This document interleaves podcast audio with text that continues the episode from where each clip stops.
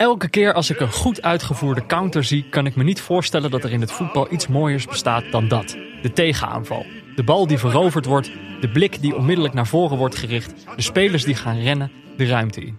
De kortstondige chaos, die kleine window of opportunity die onmiddellijk wordt benut. En dan de speler, gelanceerd vanaf de eigen helft, in zijn eentje de vlakte op. Op volle toeren richting de keeper, met de tegenstander hijgend in zijn nek. Het wordt mooier als je bedenkt hoe makkelijk het fout kan gaan.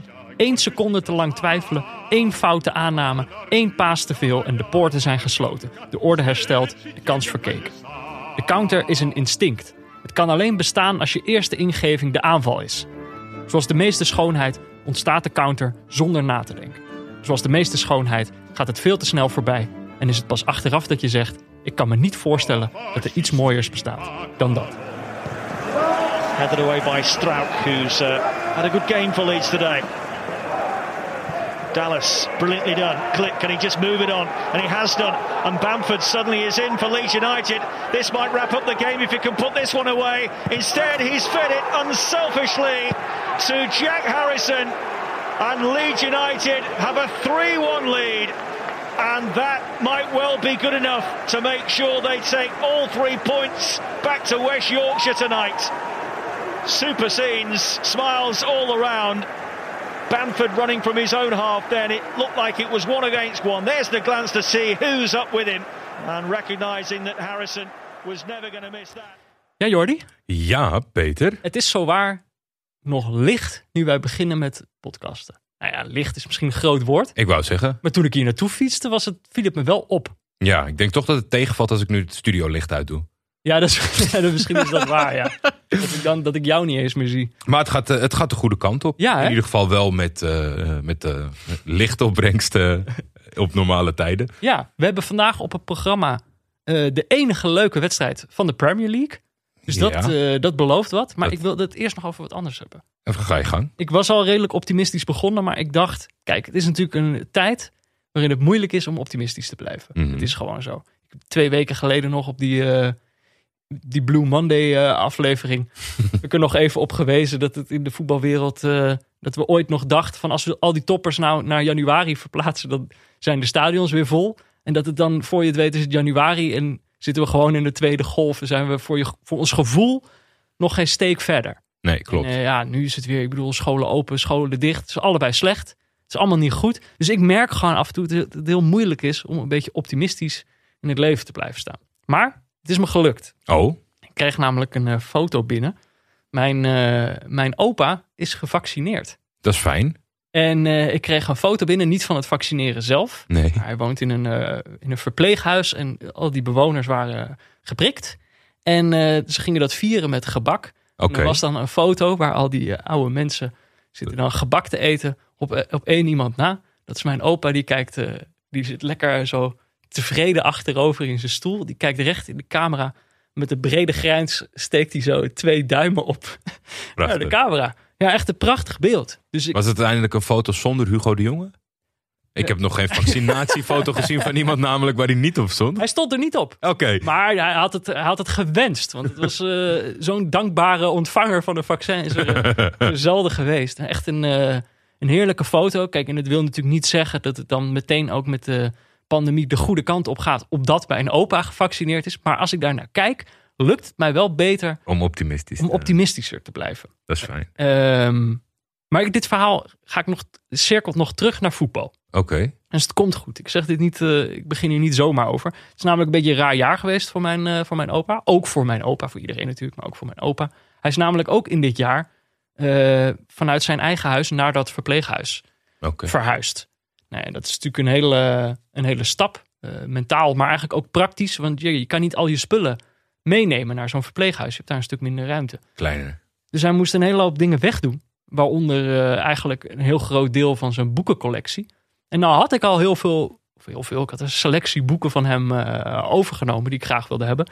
Maar ja, mijn moeder moet dan steeds weer naar het huis om er weer dingen op orde te brengen. Ehm, en om gewoon dingen op te ruimen. En toen haalde zij nog twee boeken tevoorschijn. Twee keer hetzelfde boek. Twee keer hetzelfde boek. Ja, daarom was die boekencollectie misschien zo groot. Hè? Dat je allemaal dingen dubbel had. Ik weet niet hoe dit komt. Ik denk één keer zelf gekocht en één keer als cadeautje gekregen of zo. Het is het boek Ajax en de kunst van het voetballen van Nico Scheepmaker. Nico Scheepmaker. Eh, Tegenwoordig een prijs naar vernoemd. zeker, de Nico Scheepmaker beker is vernoemd naar hem. Eh, het heeft een inleiding van Frits Barend en Henk van Dorp. Nou, Ja, als dat niet op het lijf is geschreven. maar kijk, dus eh, mijn moeder dacht dus van ja, nou we- hebben we dat boek twee keer. Dan mag Peter de ene en dan mag Jordi de andere. Oké, Dus ik heb een cadeautje voor je. wat leuk. Even kijken welke ik dan bedacht had dat ik die aan jou... Want keer is de eerste druk en keer is de tweede druk. Ik geef jou wel de tweede druk. Daar moet je het dan maar mee doen. Weet je wat het leuke was? In die, eh, in die eerste druk die ik nu in mijn handen heb... Daar zat ook een krantenartikel ingeschoven. Een krantenartikel van vrijdag 17 december 1993. Dus omstreeks de, het verschijnen van dit boek. Hoe heet Bergkamp eigenlijk van zijn voornaam? En dat eh, is een stuk over dit eh, boek. Een soort bespreking kan niet precies ontcijferen uit welke krant dit was, want het is uitgeknipt en ik weet niet genoeg van de vormgeving uit 1993 om te weten welke krant dit was. Dus ik had die hele bespreking van dat boek gelezen. Het gaat dan deels over Dennis Bergkamp. En toen helemaal op het einde zag ik pas de naam eronder. Henk Spaan. Oh, Weer een eh, vriend van de show. jij maakt, hele, je maakt echt mooie cirkels Ja, hè? vandaag. nou ja, ik er niet. De, de realiteit, Jordi. De Ja, nee, dat is realiteit ook maakt waar. prachtige Het is, cirkels. eh, jeetje. Heb je dit boek al? Want daar- dat vreesde ik eigenlijk een beetje. Het is wel Nou, een beetje een... eh, Als dat zo is, dan kijk ik of ik misschien een derde of vierde druk heb. Dan ruil ik Oh, hem ja. en dan geef ik hem terug. Ik, dit, is, dit is het kaliber eh, boek. Wat eh, twee vrienden van mij, dat zijn overigens neven van elkaar, Kai en Mike. Mhm. Die hebben eh, eh, boekenkasten vol. Want die, dat zijn niet, nou ja, Kai wat meer. Het zijn wel lezers, maar het moet wel echt voetbal zijn. En het is zoiets dat zij echt alles waar het woord Ajax op staat, in combinatie met boek, Mhm. dat schaffen zij aan. Dus dan heb je, ik heb echt de meest bizarre boeken wel eens van ze eh, gekregen. Weet je, van eh, col- columns of boekjes van, eh, van, van Harry Vermegen. Dat je denkt, nou ja. En dat, eh, nee, maar dit is wel echt, ja, als er maar Ajax op staat. Dus ik, ik heb het vermoeden dat, eh, dat zij het in het bezit hebben. Of ze hem dan aan mij hebben gegeven. Ja, we moeten maar even kijken. Ik ga, er, ik ga op onderzoek. Anders En, kunnen we eh, het misschien nog, eh, weet ik veel, een, een, een luisteraar met een goede... Het zijn hele korte hoofdstukjes. weten. Misschien moeten wij er wat mee aan het eind van de uitzendingen. Nou, kijk, weet je wat ik sowieso al leuk vond? Die, in die bespreking van Henk Spaan, dacht ik, wilde ik toch even een stukje uit voorlezen. Eh, wat hij dus schrijft over dit boek van Nico Scheepmaker. Wat is de functie van een stylist in de sport? Hij verdiept het beeld en vergroot daardoor de mythe. Hij vermag waarin de eendimensionale televisie tekortschiet. De schrijver kan van Dennis Bergkamp een held maken. Groter dan de gever van het stiftballetje op een videoband. Pas de verbale vormgeving van het stiftballetje, mits gedaan door iemand die de schrijfkunst beheerst als Dennis het voetballen, verleent een speler op den duur de status van halfgod. Iemand als scheepmaker is dus van groot belang voor de voetbalsport, al is de voetbalsport zich daarvan nauwelijks bewust.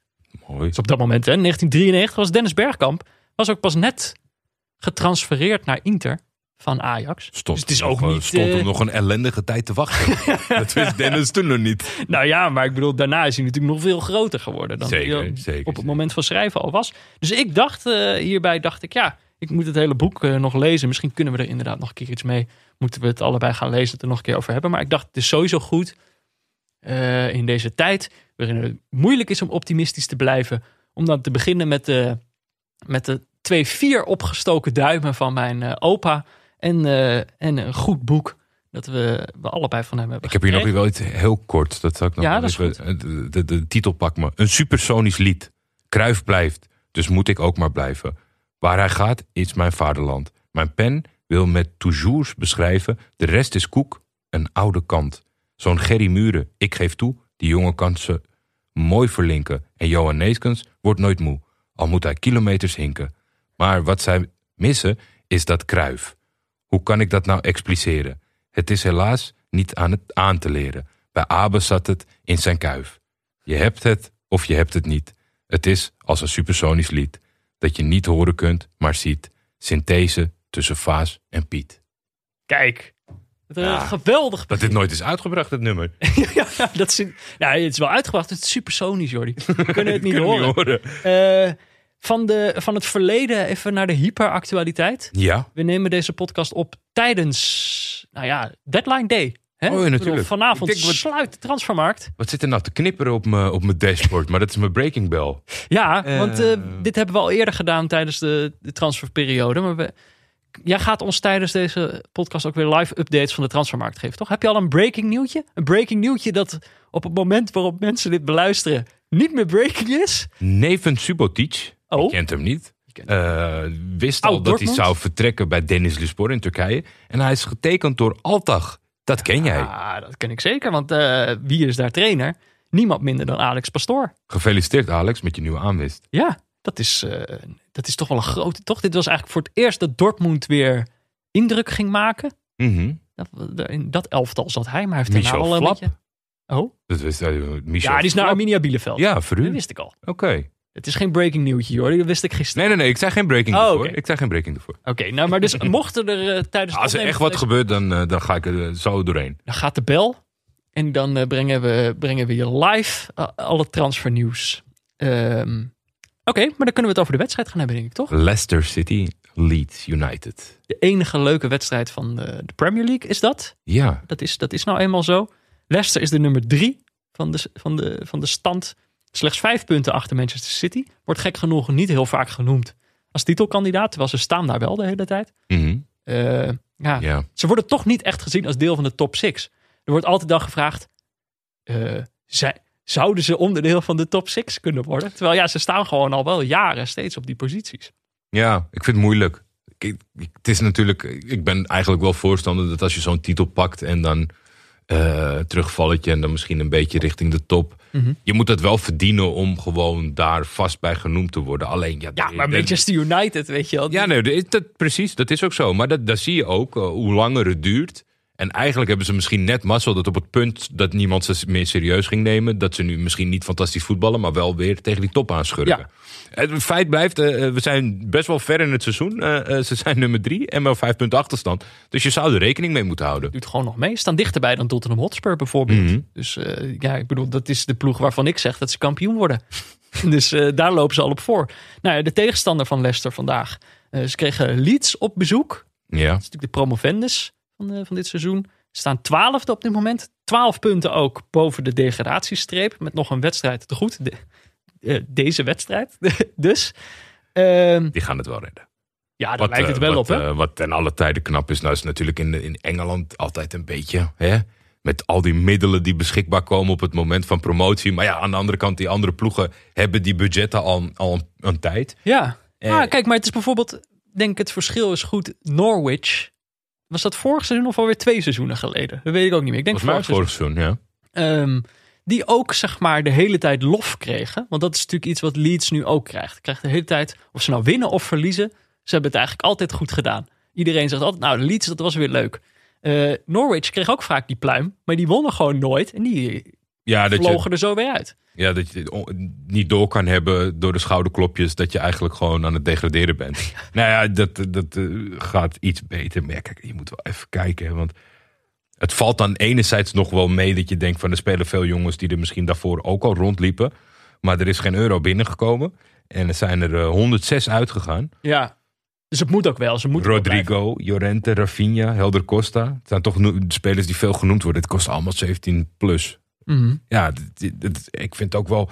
Blijft een gekke realiteit zonder daar te ver over uit te wijden. Dat tegenwoordig kan dat de promovendus een spits koopt van Valencia. Ja, ja, ja, dat is waar. je, Ja. Valencia heeft het zelf zwaar, maar het wilde bij mij niet altijd in dat zo'n laag geclasseerde Engelse ploeg, maar Mhm. gewoon iemand koopt van een gerespecteerde club. Ja, het, het Ja, blijft maar- een gek fenomeen. Maar ook dat is geen garantie voor successen. Want Fulham heeft natuurlijk ook wel eens eh 200 miljoen geïnvesteerd op, eh, in, de- in de transferperiode nadat ze gepromoveerd waren. En die vlogen er ook meteen weer uit. Ja, Dus het is, eh, ze hebben het denk ik misschien wel iets slimmer gedaan. En dat is dan, komt dan misschien toch wel door onder andere de, de trainer bij Leeds, Marcelo Bielsa. de hurker. De, de, hurk, de hurker. Ik hij weer lekker te hurken? Ja, hij was weer lekker aan het hurken deze wedstrijd. Ik weet niet of dat zijn officiële bijnaam is. Maar dat is natuurlijk, eh, een, een, ik denk voor veel neutrale kijkers, een, eh, een bekende naam. Dat is een soort lieveling van de, van de, van de voetbalhipsters. Toch? Ja, zeker weten. Van de voetbalhipsters, maar ook inderdaad, kijk, ik denk niet dat per definitie de neutrale kijkers voetbalhipsters zijn. Hij heeft is eh, andere, andere ideeën en, en, en originelere ideeën, denk ik, dan de meeste. Wat, eh, wat, wat zeg maar de hipste kant eh, Mhm. vertegenwoordigt. En voor de neutrale kijkers is het vooral die man zijn spelopvatting.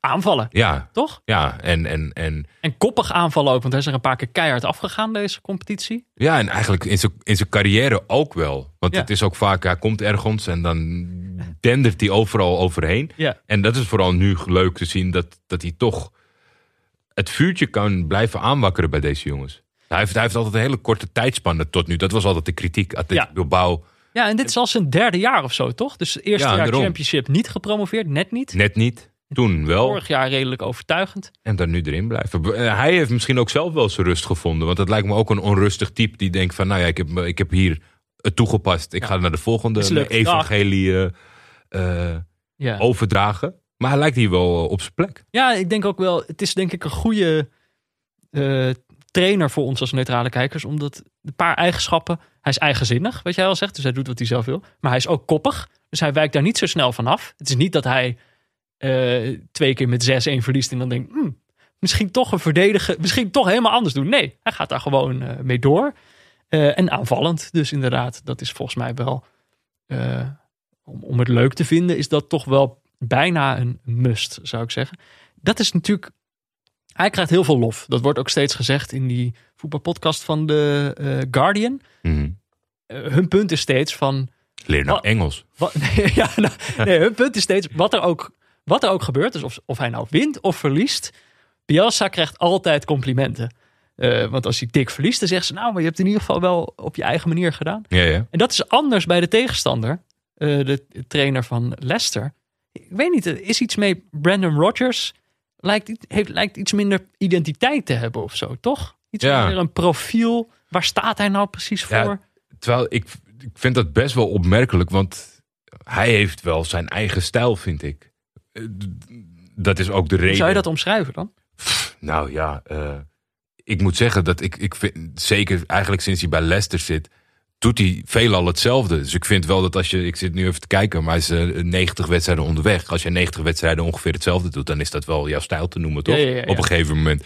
Hij, bij hun past hij dat vaak toe, 4-2-3-1. Mhm. En eh, ik denk vooral de krachten bij, bij Leicester. En ik weet niet in hoeverre hij daar invloed op heeft. Want er stond natuurlijk ook al een leuke ploeg. Zij kopen gewoon hele interessante spelers. Misschien die net tekort komen voor de top. Of die net, eh, weet je, waarvan mensen denken van nou, die slaan misschien over. Of bijvoorbeeld een Tielemans die maakt een stap naar Monaco. Komt er niet helemaal lekker uit. Ja. En dat ziet hij, zien zij toch van, weet je, dit is gewoon een hele goede voetballer. En dat, dat, dat, dat, zie je dan ook wel keer op keer. Maar ik denk dat er is wat anders. Hij is niet spannend. Het is geen spannende man. Hij is ooit opgevallen omdat hij eh, boven, eh, eh, boven verwachting presteerde bij Swansea. Mhm. Kreeg toen een heel eh, groot team voor zich. Heeft er heel lang gezeten bij Liverpool. Ja, ook niet zo heel slecht gedaan, toch? Nee, niet slecht, maar net als eigenlijk al zijn voorgangers... dat elke keer als het leuk en spannend werd, stortte het toch in. Weet je, dat, daar was wel echt klop voor nodig om door te pakken.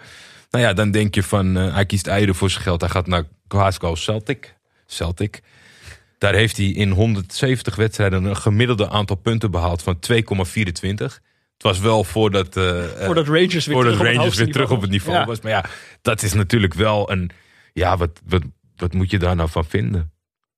Ik snap wel dat dat niet helemaal meetelt in, in, in zijn kwaliteitbeoordeling of zo. Ja, klopt. En, maar het is natuurlijk wel uiteindelijk, is hij de zet geweest voor Leicester om daadwerkelijk aan te sluiten bij die top 6. Ja, Eh, terwijl tot op dat moment, na dat kampioensseizoen, dat niet iedereen eh, lukte. Zo. ja maar er valt, ook, er valt ook eigenlijk... Ja, het is lekker, lekker niks zeggend, Jordi. Maar het is zo onvoorspelbaar in Ja. die zin...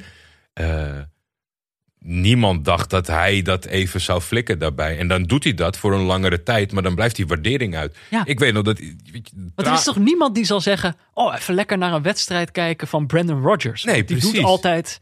Maar dat iedereen, de, tranen stonden in iedereen's ogen van, van, van, van het uitlachen dat West Ham in zee ging met David Moyes. Ja, kijk waar die nu staan. Je, Ja. je weet het toch, je weet het niet. Dus Nee, ja, ik, ik denk dat eh, eh, hij mist een verhaal, hij mist Nou, charisma. Precies, dat, ik denk dat dat eigenlijk het grote verschil is. Bielsa is gewoon zo'n vreemde vogel, ook gewoon in al zijn, in al zijn gedragingen. Ja. Dat dat heel erg kan helpen om jou ook een profiel als trainer te geven. En dat hij gewoon te normaal is. Ja, ik, weet- ik heb is- toen nog die documentaire gezien, want bij Liverpool zijn ze al een keer toen binnen geweest. Dan krijg je zo'n schijndocumentaire. Nee, je mag overal in hoor. Maar saaie huisvader. Ja dat, ja, dat zou niet moeten uitmaken. Maar het is gewoon niet, een- niet een interessant persoon. Nee. Eerder dit seizoen werd deze wedstrijd 1-4 voor Leicester. Oké. Eh, Leeds er dik af.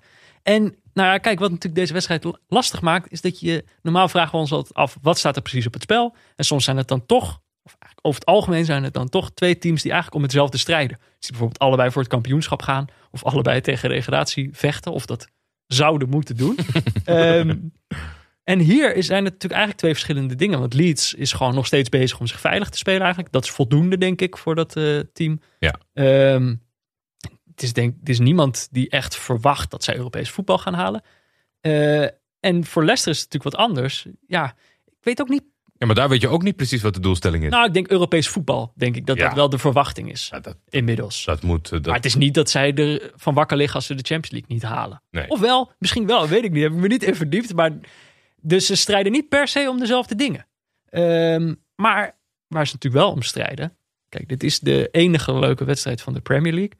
Ik heb me in dit seizoen van neutrale kijkers heb ik vaak laten weten dat ik eh, de Premier League een fijne competitie vind om te volgen. Omdat het programma Match of the Day eh, zo echt, fijn eh, is om te kijken. echt een match of the day watcher ben je. Nee, dat ben ik echt. Ja, maar ik ben. eh, ik moet heel eerlijk bekennen dat ik eigenlijk. Het begon al een beetje in de decembermaand. Een beetje ben afgehaakt. En eh, deels is dat denk ik een pandemiegevolg. Mhm. Namelijk. In december is dat altijd al zo, maar nou, nou, ook in januari zit die maand zo volgepropt met allemaal wedstrijden en soms ook helemaal uitgesmeerd over de hele week, dat je niet meer precies weet in welke competitieronde je nou zit. Ja. Dat er dan iedere keer zijn er weer wedstrijden en ik kon dat gewoon niet bijhouden. Dus dan haak je op een gegeven moment gewoon af. Ehm, en gewoon, ja, hoe vaak. En dat zijn dan toch vaak de topwedstrijden. Dit weekend ook weer Manchester United tegen Arsenal. Je zet dat aan en er gebeurt gewoon helemaal. Dit is gewoon niet leuk. Je Ja, ik, ik, ik val daar. Ik, ik, ik, ik, ik val niet meer in die trap. Want eh, ik heb. je trapt niet meer in die val. Ja, dat bedoel ik. Je ging weer even Engelsen. Online eh, real life eh, correctie. Dat Ja. hebben we lang niet gehad. Ehm, ja, ik zet dat niet op. Nee, ik weet ook niet eens meer welke wedstrijd het was. Maar jij bent, jij bent gewoon een keer. Was je zo, zo mopperend over die Engelse topwedstrijd die we hebben gekeken. Liverpool. Ja. City volgens mij. Ja, maar daarom dacht ik, dit is gewoon een prima wedstrijd om het weer een keer op te pa- pakken. En dat is gelukt. En dat was eigenlijk vanaf het begin, Jordi, eh, een echte heen en weer Ja, ik, ik, ik wilde nog wel de wedstrijd nukkig ingaan. Omdat ik natuurlijk nog van de vorige keer. Maar er werd al moet, snel. moet je eh, weer naar de Premier League kijken van mij? maar al snel eh, kreeg ik, zat ik er wel in. Ik vond het jammer dat, dat Vardy niet mee kon doen. ja. Ayozi Perez is een leuke invaller, maar daar is ook wel alles mee gezegd. En die moest het natuurlijk dit keer... Niet de eh, Vardy erin. factor, toch? Nee. Maar ja, wie wel. Maar het was gewoon een, een heen en weer wedstrijd. Ik denk dat we op- die manier de eerste helft in ieder geval het beste kunnen uitleggen. Sowieso dat het spel de heet het heen en weer gaat. Nee. En dat kan natuurlijk slecht zijn omdat dan bal geen, eh, of dat geen enkele ploeg de bal in de ploeg weet te houden. Ja, dat was een beetje het begin het, van eh, Sassuolo-Atalanta. Dat ze Ja. allebei gegenpressing gingen spelen en daardoor de hele tijd de bal verloren. Ja, maar dit was echt eh, volgens mij wat ze dan in Engeland end-to-end voetbal noemen. Mhm. Dus dat ze van de ene achterlijn naar de andere achterlijn gaat. En dan echt om de beurt eh, aanvallen. Nou, en ook, dat deden ze ook eigenlijk met doelpunten. Ja, Toch? Een beetje na twaalf stokje minuten overgeven. was Harvey Barnes, die hem zelf opzette vanaf de middenlijn. een dribbel, nou ja, redelijk onaangevallen. Toen uiteindelijk een 1-2'tje opzette en eh, hem goed binnenschoot. En ja, ik ben dan iets, iets negatiever dan, dan als, ik, eh, als we dat zelfs als we dat samen zitten te schrijven. Ik zeg matig verdedigd en Dito gekiekt. en Ja. jij vond er wel wat mooi aan. Nou ja, ik, ik zal dat zo uitleggen. Want we konden niet heel lang napraten over deze goal. Nee, dat klopt. Eh, 1-0 Leicester in de 12e minuut. Maar in de 14e minuut was het alweer 1-1. Eh, door Leeds. Stuart Dallas werd weggestoken door eh, Bamford. Ja. Patrick Bamford. En gewoon eh, niet aannemen, gewoon in één keer schieten. Volgens mij, ja, dat, ik denk dat dat, dat, dat typisch zoiets waar, is waar Marcelo Bielsa dat er gewoon in ramt. Zo van niet, niet te veel met die bal klooien. Nee, Gewoon eh, pasen. direct diepte over breedte. Ja, dus we waren nog een kwartiertje bezig en het stond al eh, 1-1. Nou, weer vijf minuten later, dachten wij, stond het alweer 2-1. Dus gewoon, je kreeg geen, eh, geen minuutje rust van deze wedstrijd. Ayozi Perez schoot hem, schoot hem binnen. Het ging volgens mij nog via de keeper. Het was een beetje onduidelijk wat daar precies gebeurde. Maar we kregen het allemaal terug te zien. Want uh, de grensrechter stond met de vlag omhoog. Uh, het was die, buitenspel. Die had dat keurig gezien. Ja, Ja, het was wel relaxed om dat gewoon zonder VAR een, uh, een grensrechter gewoon te zien vlaggen. zonder tussenkomst, niemand die dat even gaat checken. Nee. Dat je gewoon wel op beeld te zien krijgt. Oh ja, dat klopte. Echt een beetje hoe dat vroeger gewoon ging voor de VAR. Maar ik was al vergeten hoe dat voelde. ja maar. Het, het zou, ja, zeker. Ik weet, ik weet niet 100% zeker of ze het niet anders hebben afgestemd. Zeg maar een soort van dat ze eh, de vlag, wat, ja, eh, je zou het heel, dit kon je heel makkelijk, heel snel controleren. Dus het zou nog zo kunnen zijn dat ze een seintje hebben gegeven van, goed gezien, Dat gaan we door. Ik dat denk kan. wel dat er iets. Dat ze in Engeland hebben ze volgens mij wel echt besloten van we gaan die VAR minder gebruiken. Want iedereen wordt er helemaal gek van. En zelf Ja. misschien ook wel. Maar ik zou hem dan niet, niet gebruiken, zeg maar, op een doelpunt afkeuren op buitenspel. Omdat je, dat juist, ja, nou ja, aan de ene kant hebben ze daar natuurlijk ook het gekloot met die lijntjes de hele tijd. Ja. En een oksel en een arm. Ja, misschien ook niet. Nou, in ieder geval, Maar het was... de Het was overweging kan ook zijn dat ze het simpelweg minder laten zien. Om het je minder in het gezicht te wrijven dat, ze, dat er de hele tijd dingen gecheckt worden. Ja. Het zou kunnen. ik heb zoiets dat als je iemand betaalt die nu op zo'n beeldscherm zit te kijken, dit kon je heel goed zien. Ik zou hem in ieder geval een klein seitje laten geven van jongens, go, ga maar door. Ja. Was buitenspel. Maar ook dit eh, gebeurde ook weer aan de andere kant. Een afgekeurde goal. Namelijk eh, de dertigste minuut leek het er even op alsof Leeds op voorsprong kwam. Mhm. Eh Klieg schoot hem binnen echt vanaf een meter voor de doellijn. Ja. Beetje een, ja, het was niet echt een scrimmage, maar die bal bleef wel hangen. Nee, de redding, voor de, de redding vooral voor Schmeichel was het feit dat hij eh, op een hele bijzondere wijze... want Bamford kopt hem keihard binnen uit de corner. Ja. En hij weet hem net genoeg voor de lijn eh, af te stoppen. En dan valt hij voor Klieg, die schiet hem binnen. En, want ik snapte eigenlijk helemaal niet wat het werd afgekeurd. Maar ja, Klieg stond bijvoorbeeld al buitenspel. Ja, tijdens die kopbal van Bamford stond hij eigenlijk al in de weg Ja. voor, de, voor de keeper. Dus hij schoot hem daarna binnen. Eh, maar die werd ook vrij snel afgekeurd. Stond ook gewoon weer de vlagger met zijn, eh, met zijn vlag omhoog. Ik weet niet of ze het gecheckt hebben. Misschien wel. Het zal wel uiteindelijk. Maar eh, ook deze werd afgekeurd. Dus het stond nog steeds 1-1. Maar waar ik het inderdaad over wilde hebben. Ik denk dat eigenlijk alleen deze laatste goal niet daaronder valt. Dat nog iets wat, wat me opviel tijdens deze wedstrijd. En waarvan ik dacht, oh ja, dat vind ik echt, dat vind ik dus leuk en mooi om te zien. Is ehm, een aanval gewoon met veel lopende spelers. Op het hoogste tempo. Ehm, en dan gewoon ook met heel kort de bal raken. eh, en niet over twintig schijven. Er was een soort statistiek. Eh, alle goals in deze wedstrijd. Er volgden er nog een paar. Dat is alvast een, een spoiler voor de tweede helft. Maar alle goals werden gemaakt met, met maximaal drie passes. Ja, Dus laatst ging er weer zo'n filmpje van Sevilla over het internet heen. Van eh, ja, een goal die gemaakt wordt na, na 25 passes of zo. En dat is natuurlijk eh, gaaf als een ploeg dat kan. Als je dat kan. Maar het ziet er gewoon wel vetter uit als het gewoon tik, tik, tik, paf, goal is. Het gewoon heel snel gaat. En dat viel me opeens op tijdens deze wedstrijd. het kan Zowel geen, bij Harvey het kan Barnes geen- als bij Stuart Dallas. Het kan gewoon geen toeval zijn dat ik... Mijn oog valt gewoon op het woord Guardiola. in de boekenkast ja, in achter de, in de boekenkast van dag en nacht. Ja, ik, jij zit het te vertellen, ik kijk opzij en ik Ja. zie Guardiola staan. Maar ja, dat is het. Ja, dat is een Peter, uitstekend voorbeeld. Dus sommige mensen vinden het, het ene prachtig, die andere vinden het andere prachtig. Ik word helemaal, helemaal krankjorum van de tiki-taka. Ik kan dat over 30 schrijven. Ik, ik, word, ik, ik, ik vind daar niks van. Ik vind het helemaal niet leuk. Nee, maar dat is wat er bijvoorbeeld vaak bij City dan gebeurt. Zo'n Mhm. aanval van een, een, een ploeg. Die dan misschien nog wel op hoog tempo de achterlijn haalt. Maar dan wordt die bal altijd eventjes stilgelegd. Blik gaat omhoog. Even kijken wie staat daar. En is het tempo wordt er gewoon bewust eh, uitgehaald. Het ook om een tactisch voordeel eruit te halen. Maar het viel mij tijdens deze goals opeens op dat ik dacht: oh, ik vind dit eigenlijk veel leuker en mooier. Zo'n aanval, tak, tak, tak, goal. Ja. En daar, het sluit ik me graag bij aan. Verder wilde jij nog wat kwijt over muziek. Muziek, ja. Ja, ik weet niet of we daar hebben we denk ik nog niet zo heel veel over gehad tijdens dit seizoen. Maar die stadions zijn natuurlijk leeg. Klopt. Eh, Knappe ik observatie. weet niet of luisteraars dat weten. maar stadions zijn leeg, maar dat verandert natuurlijk de hele sfeer in zo'n stadion. En toch wordt er dan vaak nog na een doelpunt wordt er muziek opgezet. Een goal tune wordt er dan Mm. opgezet. Om het te vieren. Ja. Maar dat is natuurlijk...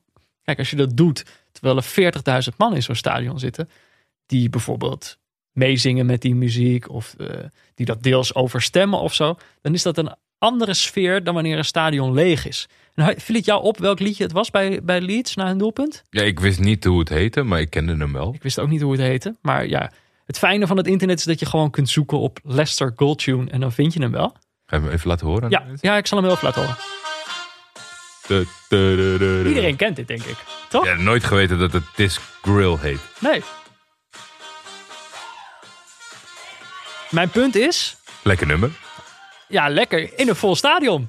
Toch? Ja, maar ik denk niet dat we dit ook de spelers moeten afpakken. Het is toch ook een momentje voor de spelers.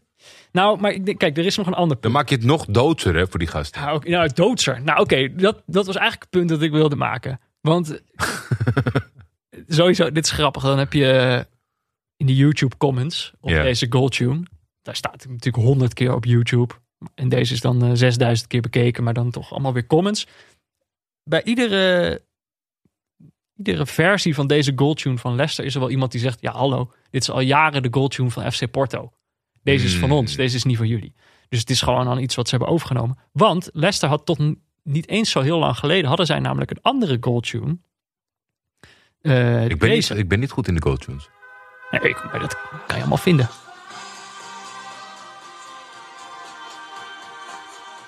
Ik snap wel dat ze die van Porto hebben genomen. Oké, nou dan zijn wij van verschillende scholen. Dit was namelijk het nummer eh, Fire van Kasabian. Ehm, wat ze dus heel lang hebben gebruikt. Dit Ja. is ook het nummer wat ze tijdens eh, het kampioensjaar gebruikten. Kasabian is een band uit Leicester. Oh, daar zo komen ja. daar vandaan. Toen ze kampioen werden op het kampioensfeest kwam Kasabian optreden. Eh, en ik vind gewoon ook, kijk, als Komen je de, moet de kiezen tussen zo'n housepomper Kunks en Cooking niet uit, eh niet uit eh, Leicester? Nou, ik heb het niet gecheckt. Eh, ik weet ook niet of ze uit Porto komen. Maar ik denk, kijk, als zo'n stadion leeg is, ik vind is wel echt een verschil in sfeer tussen eh, zo'n liedje van Kasabian, waar dan ook nog een soort emotionele lading in zit, omdat ze uit dezelfde stad komen. Hmm. En gewoon zo'n onpersoonlijke housepomper die ook door allerlei andere Europese clubs wordt gebruikt. Ja, ik vind, als je dan toch iets van sfeer en persoonlijkheid in je stadion wil hebben als het publiek er niet is, doe dan Kasabian en doe dan niet eh, die domme housemuziek. Maar ja, dat is misschien een kwestie van smaak. Ja, dat denk ik wel. Ja, En ik denk ook niet dat er heel veel spelers in de selectie rondlopen die Kasabian en daardoor geraakt worden. en ik denk dat die vaker op Instagram of TikTok dat andere liedje Ja, luisteren. ik weet niet. Ik vind toch gewoon. eh, we hebben het volgens mij één keer eerder over muziek in stadions gehad, herinner ik me nu. Ja, Sporting geloof ik. Nee, was het eh, niet Lyon? Die ja? allemaal hele oude Oh, Leon, hadden? oude rockmuziek. De Sporting was toen volgens mij ook een beetje die tijd. Toen gingen we een beetje opletten op wie wat nou eh, aan het afspelen was. Kijk, want mijn punt is denk ik ook een beetje. Van Halen had eh, Oh ja, Jump, toch? ja, maar kijk, ik vind dus.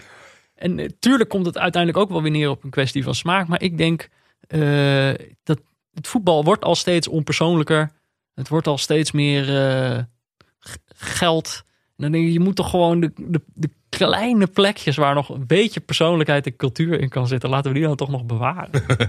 nou ja, ik, heb mijn dat, best ik, gedaan. ik denk dat er een zware tijd voor je aankomt in de toekomst van het voetbal. Nee, maar dat is denk in een vol stadion kan ik, trek ik dat weer beter. In een Ja. leeg stadion vind ik dat gewoon extra treurig van die zieloze muziek. Terwijl er niemand is om het te horen. Nou ja. Nou ja, tijd om naar de rust, Rust. te gaan.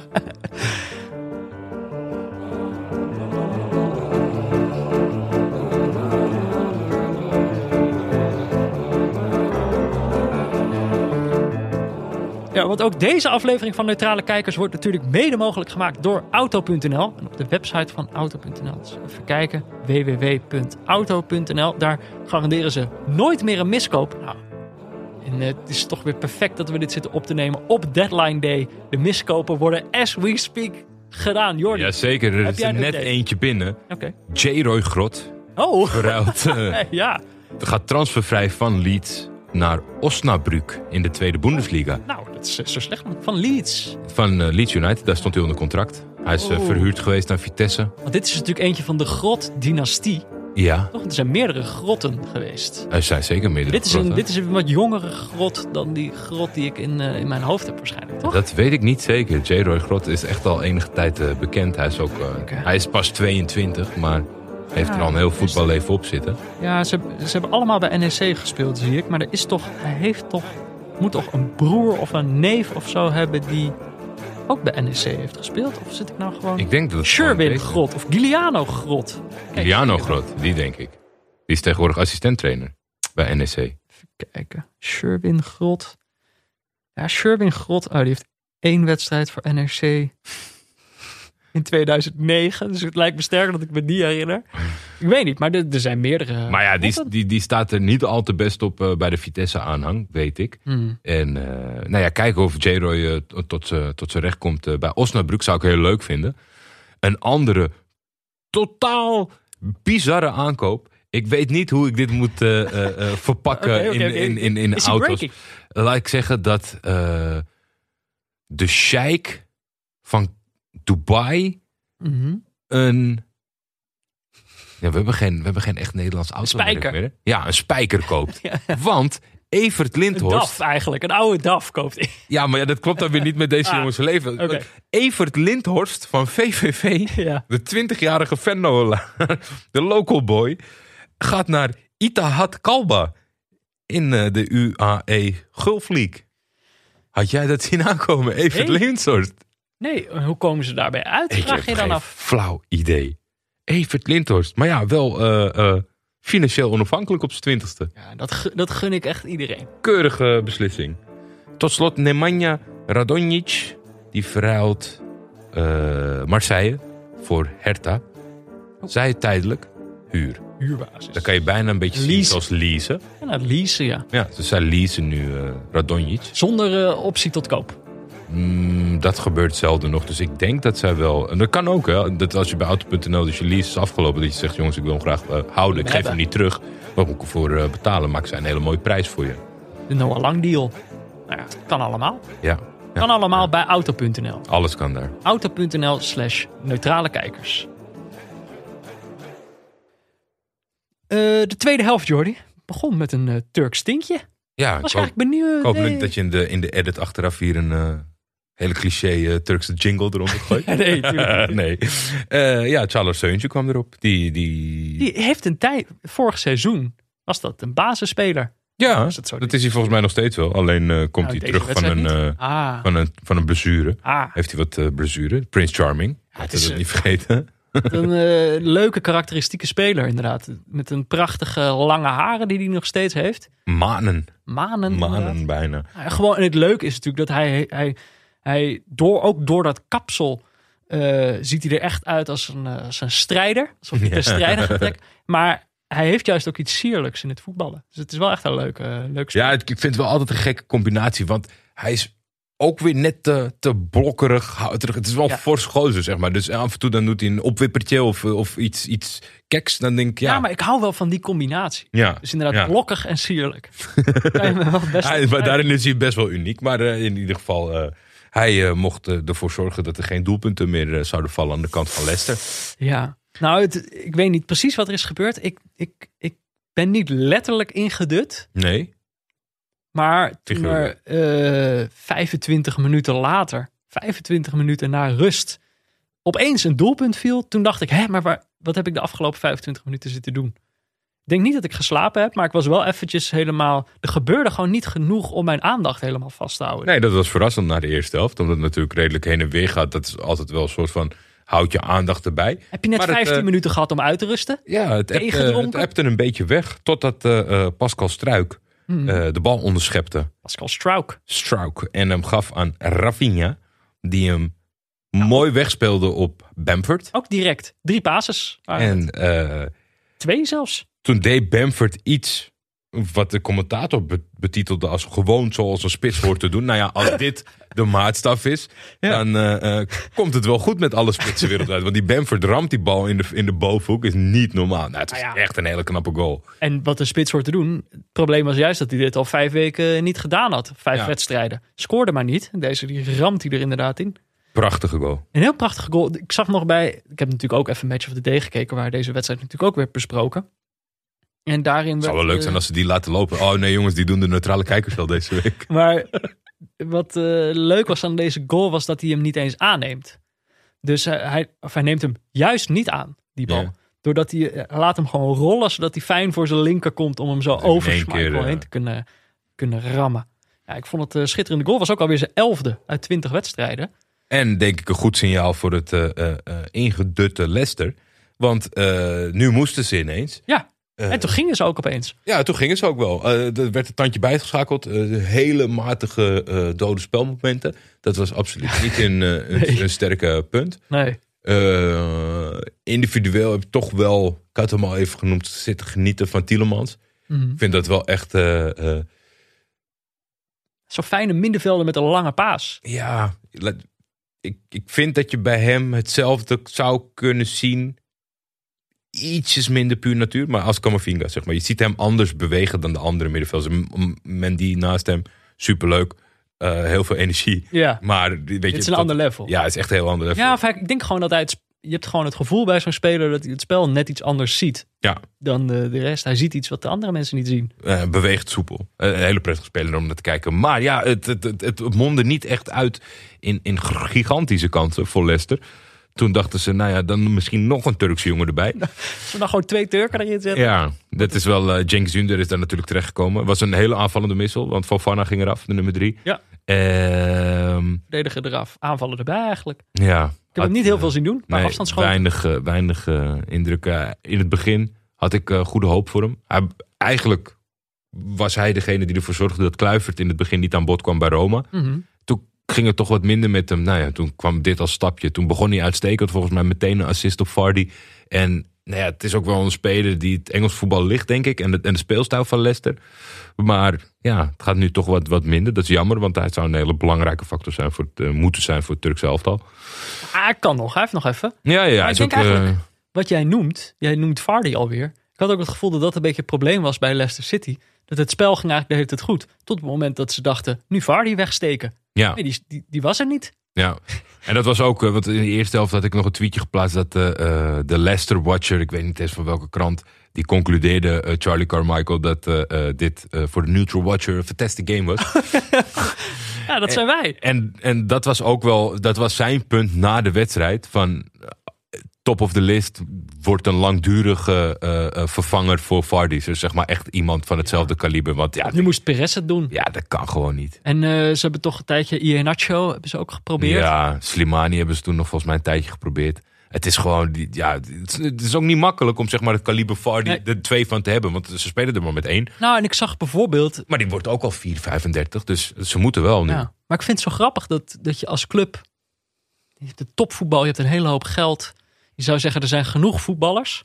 En zo moeilijk kan het nou ook weer niet zijn. Maar dat een club, ook die topploegen, echt afhankelijk kunnen zijn... van de kwaliteiten van één zo'n speler. Want Tottenham, eh, in een andere wedstrijd, die krijgt het ook niet voor elkaar. Ja, dus Harry Kane speelt een keertje niet. En Ja. lukt, lukt meteen niet. En dat dan ook bij Leicester City. Ja, ik bedoel, je kan die wedstrijd natuurlijk op verschillende manieren duiden. Je kan zeggen, eh, Bielsa heeft het goed neergezet.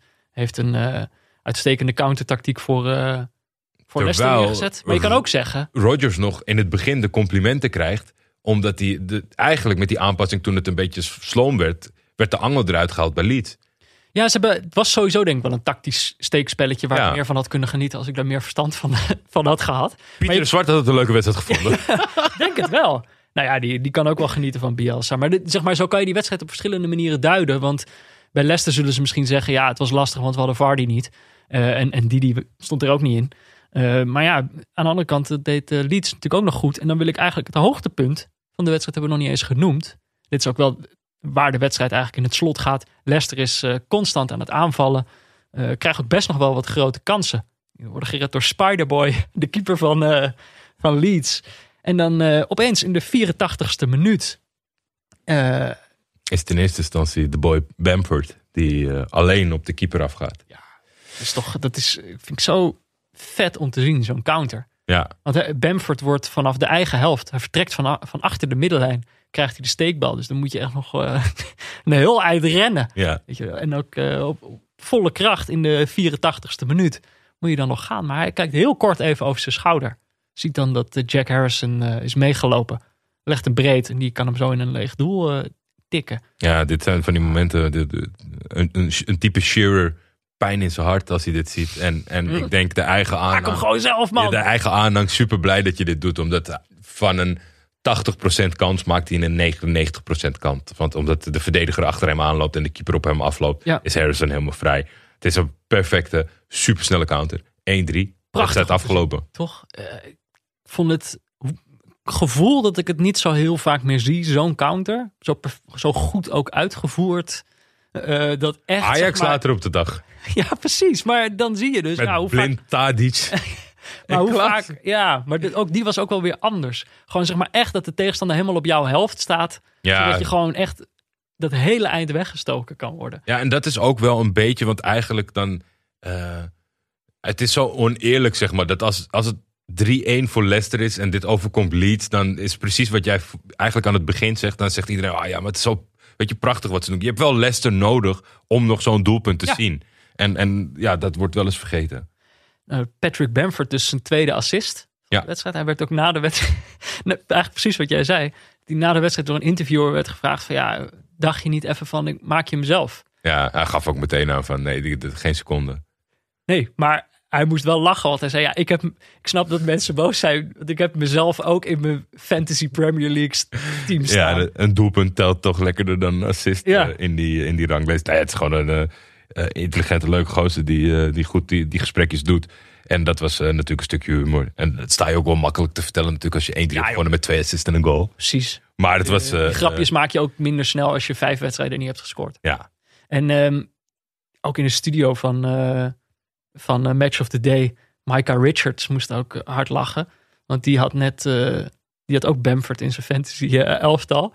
Eh, en hij had, net, eh, hij had hem net aanvoerder afgemaakt. Oh, Dus als je aanvoerder maakt, krijg je een Dubbele verdubbeling van de punten. Ja. Dat had hij net gedaan. Nou ja, het is wel grappig hoe zo'n spel en het, en het echte spel zelf helemaal ver, ver- verweven raken op zo'n ja, ik heb dan...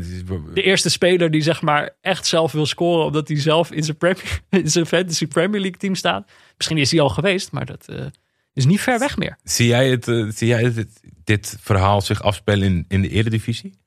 Dat wij een soort... Eh, was een keer Eredivisie profcoach. ja? Had je toch waarin ze een beetje. Ja, oké, maar dan had je betaalde ambassadeurs die gewoon een soort van een campagne deden om het groter te maken. Maar dat was niet dat je na Nee, maar ik bedoel, het leeft ook minder of zo. Het is minder Ja. een cultureel ding dan dat het in eh, Engeland is, Ja. toch? Ik denk dat het eerst dat zal moeten worden. Voordat, voordat het ook echt een gespreksonderwerp kan worden in een programma. Gaan nadenken over het spel wat we hier cultuur kunnen maken. We moeten hier ook wat mee. Ja, maar eh, nou ja, daarmee lag de wedstrijd in het slot. Eh, Leeds wint dus uit bij Leicester 1-3. Dat betekent dat het gat met de degradatiestreep 15 punten is geworden. Ja, dat kan niet meer fout gaan, toch? Zeg dat nou niet, jongen. De hele, de hele Leeds gaat nu instorten, Peter. Eh, en, maar eigenlijk, het gaat steeds over dat gat met de degradatiestreep, 15 punten. Dat is natuurlijk lekker veel. Maar als je kijkt het gat naar boven, nummer 5, West Ham, dat zijn de Europese plekken, staan ze maar 6 punten achter. Ik denk dat zij het helemaal prima vinden om eh, achterom te blijven kijken. Als ze Ja. per ongeluk, als ze de, bij het eindstation aankomen en ze staan op een mooie plek. Dat is mooi meegenomen. Wat moet je ook weer? Je moet 40 punten hebben, dan ben je veilig of zo. Toch? Ja, ik denk dat dit seizoen nog wel... eh, Iets meer? Nog, nou, minder, Oh, minder. minder. misschien zelfs Door wel. Sheffield. Ja, maar ook, dit- is gewoon heel belangrijk. En het is altijd goed eh, als, een, als een coach dat beheerst. Dat je nu niet gaat zweven, niet naar boven Ja. kijkt. Gewoon je spel blijven doen. En wat je zegt, eh, blijf maar kijken hoe ver je van die streep af bent. En dan zie je het wel op het eind waar je staat. Ja, en voor Leicester denk ik een louterend moment. Ja, staan nog wel nog steeds vierde, vijf puntjes achter. City. Champions League eh, zou heel knap zijn, denk ik. Aan het eind van de rit. Eh, moet Vardy weer fit worden? Ja. Wat had hij nou? Hij had een hernia. Volgens mij werd wel weer gezegd dat hij half februari is het goed is weer terug. Hij is dus geopereerd. Een soort operatie die echt moest plaatsvinden, niet uitgesteld kon worden. Wist je dat hij heel veel Red Bull dronk en Skittles had? Hij had eh, potgrond voor iedere wedstrijd. Bizar als je dan nog zo goed kan voetballen. Eh, ja, wat hebben we eigenlijk geleerd van deze wedstrijd, Jordi? Ja, nou ja, ik had in de rust eigenlijk al een les, Peter. En, en dat vond ik wel, ja. Het is nou niet zo dat ik denk dat alle trainers wereldwijd zitten te luisteren. Maar het zou zo fijn zijn als dat wel het geval was. Omdat eigenlijk kwam ik tot de conclusie. Ik zit maar altijd te mijmeren over dat verleden. En de creatieve nummer 10. En, en, en vrijheid. En in, Minder op dichtgetimmerd intuïtie. Ja. Deze twee ploegen geven het gevoel dat zij heel vrij aanvallen. En dat zo. Maar als je goed oplet, Ja. is dat plan helemaal dichtgetimmerd. Want deze jongens kunnen bijna blind in de, in de, in de eh, eh, counter. Van we openen hem nu breed, dan gaat hij diep. Dan weet ik al dat hij gaat lopen. Dan komt die andere al inlopen, dan kan ik hem opzij leggen. Het is helemaal volgeprogrammeerd. Het is eigenlijk Ja. bal veroveren en dan je plan uitvoeren. Ja, Bielsa is net zoals dichtgetimmerde trainers. Iemand die denk ik, helemaal op de details Ja, zit. er zit echt heel weinig creatieve vrijheid in die ploegen. En toch weten zij het wel over te brengen met een entertainmentwaarde. En Ja. want dat is natuurlijk vaak het gebrek. Dat, dat je, er is vaak van, oh, dat zijn robots geworden, weet je. Ze gaan van box naar box en, en Mhm. eh, er zit helemaal geen sprankje. staat alleen maar house muziek op in het stadion. Ja, maar het kan dus wel. Ja. En dat is gewoon de les. En dat zou eigenlijk iedereen, ja, weet je, het, het gaat om geld en het is zakelijk en het is al lang geen hobby meer. Maar het, je kan het dus wel gewoon combineren. Ja. Als, als maar de, de helft die mee bezig zou zijn, zouden we al gered zijn, denk ik. Ja, ik, ben, ik, ik bedoel, eh, ik ben ook benieuwd wat dat dan precies is. Of zij dan in hun systemen toch ook een beetje chaos inbouwen. Of zo. Of dat, want wat natuurlijk wel is bij Bielsa, is dat de opstelling is nooit de opstelling. Zeg maar, spelers schuiven constant tussen, Ja. tussen linies. Dat is ook een vorm van, van chaos die echt vast toch ook niet altijd Ik vind eh, diepte over, diep, diepte over breedte. Diepte- eh, over breedte is eh, heel belangrijk om af en toe te zeggen. Ja, maar dat is, ja, ik vind het een interessante les. Want het hoeft dus niet te betekenen, een ploeg die precies weet wat hij moet doen, hoeft niet te betekenen dat het ook saai wordt. Ja. Nou, Oké, dan maakt het toch weer genuanceerder en lastiger. Het was wel een gekke wedstrijd, toch?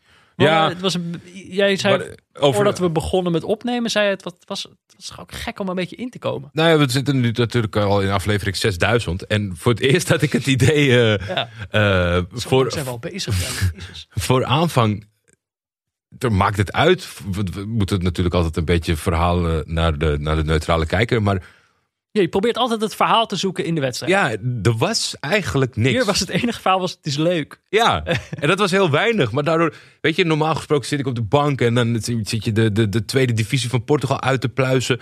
Of, of er is een andere reden waarvoor. Er is altijd een focuspunt of zo. En nu Ja. was het van, nou ja, kent de Premier League wel, kent bij de ploegen wel, kent bij de trainers wel. We gaan dit doen omdat die wedstrijd leuk is. En ik, ik, ik miste een beetje eh, een doel. Ja, maar het was eigenlijk denk ik andersom dan dat heel veel wedstrijden bij de Premier League gaan.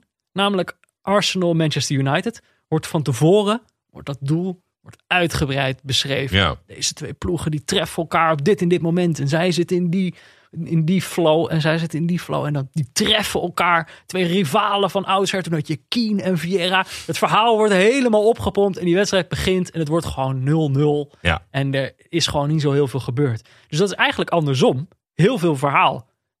Weinig leuk voetbal. Hier iets minder verhaal. Ja, je Heel moet je leuk. echt in de lokale krantjes kijken. Wil je een voorbeschouwing eh, vinden? Want dit leeft natuurlijk niet als zijnde van nee, mensen. Nee, Nee. maar dat is natuurlijk inderdaad... Ook wij kunnen niet zonder het verhaal uiteindelijk. Of, ju- of juist wij. Nou, weet ik niet. Ja, misschien wel liever geen verhaal dat wij zelf het verhaal kunnen invullen. Ja. Toch? Ik, ik had nog een... Oh, dat is een goeie. Ik had ehm, een andere wijze les. Oh. Ehm, want ik vertelde al dat eh, over mijn opa en dat huis dat dan eh, natuurlijk gewoon leeggehaald moest worden. En het moest ook uiteindelijk verkocht worden. Mhm. Ehm, dat, het is lastig voor mij om mijn eigen ouders te zien in deze tijd. Omdat eh, mijn ouders wonen meer dan 100 kilometer verderop. Ik heb geen rijbewijs en ik heb geen auto. Het openbaar vervoer mag je alleen gebruiken voor noodzakelijke reizen. En dan denk ik, nou ja, ik wil mijn ouders graag zien. Maar Is het ik kan- noodzakelijk? Ik kan, dit niet verkopen als, als noodzakelijk. Maar dan, het werkt wel andersom. Want als zij onderweg waren naar mijn opa, dan eh, kwamen ze altijd langs mijn huis. Dus dan eh, plakten we daar altijd een bezoekje aan vast. En dan gingen we gewoon eh, buiten wandelen. Nu was het het geval dat het voor het eerst sinds weken weer was toegestaan dat mijn moeder mijn opa mocht, haar vader mocht bezoeken. Ja. Dus ehm, eh, dat ging zij dan ook meteen weer doen. Maar dat mocht maar met één persoon. Mag maar één persoon bij één persoon. Dus toen heeft zij onderweg heeft ze mijn vader bij mij afgezet. Oké. Dus ik bracht de dag door met mijn vader. Ging, mijn moeder ging eh, Door. naar, naar, naar, naar haar vader toe. En uiteindelijk als die dag erop zat, dan zou ze mijn vader weer komen ophalen. Dus het was een beetje alsof mijn vader bij mij kwam spelen de hele dag. Dus we hadden lekker eh, buiten, nicht.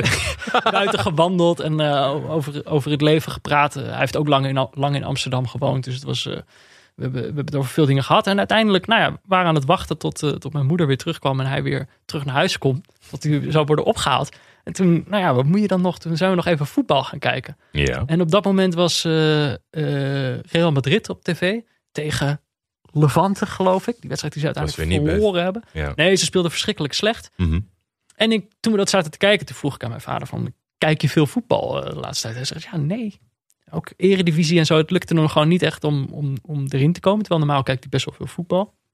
En eh, hij wist ook niet precies waarom. Nou ja, wij zaten samen Real Madrid te kijken. Hij zat ongelooflijk te, te zeiken op Benzema. Dat vindt hij dan, vond hij helemaal niks.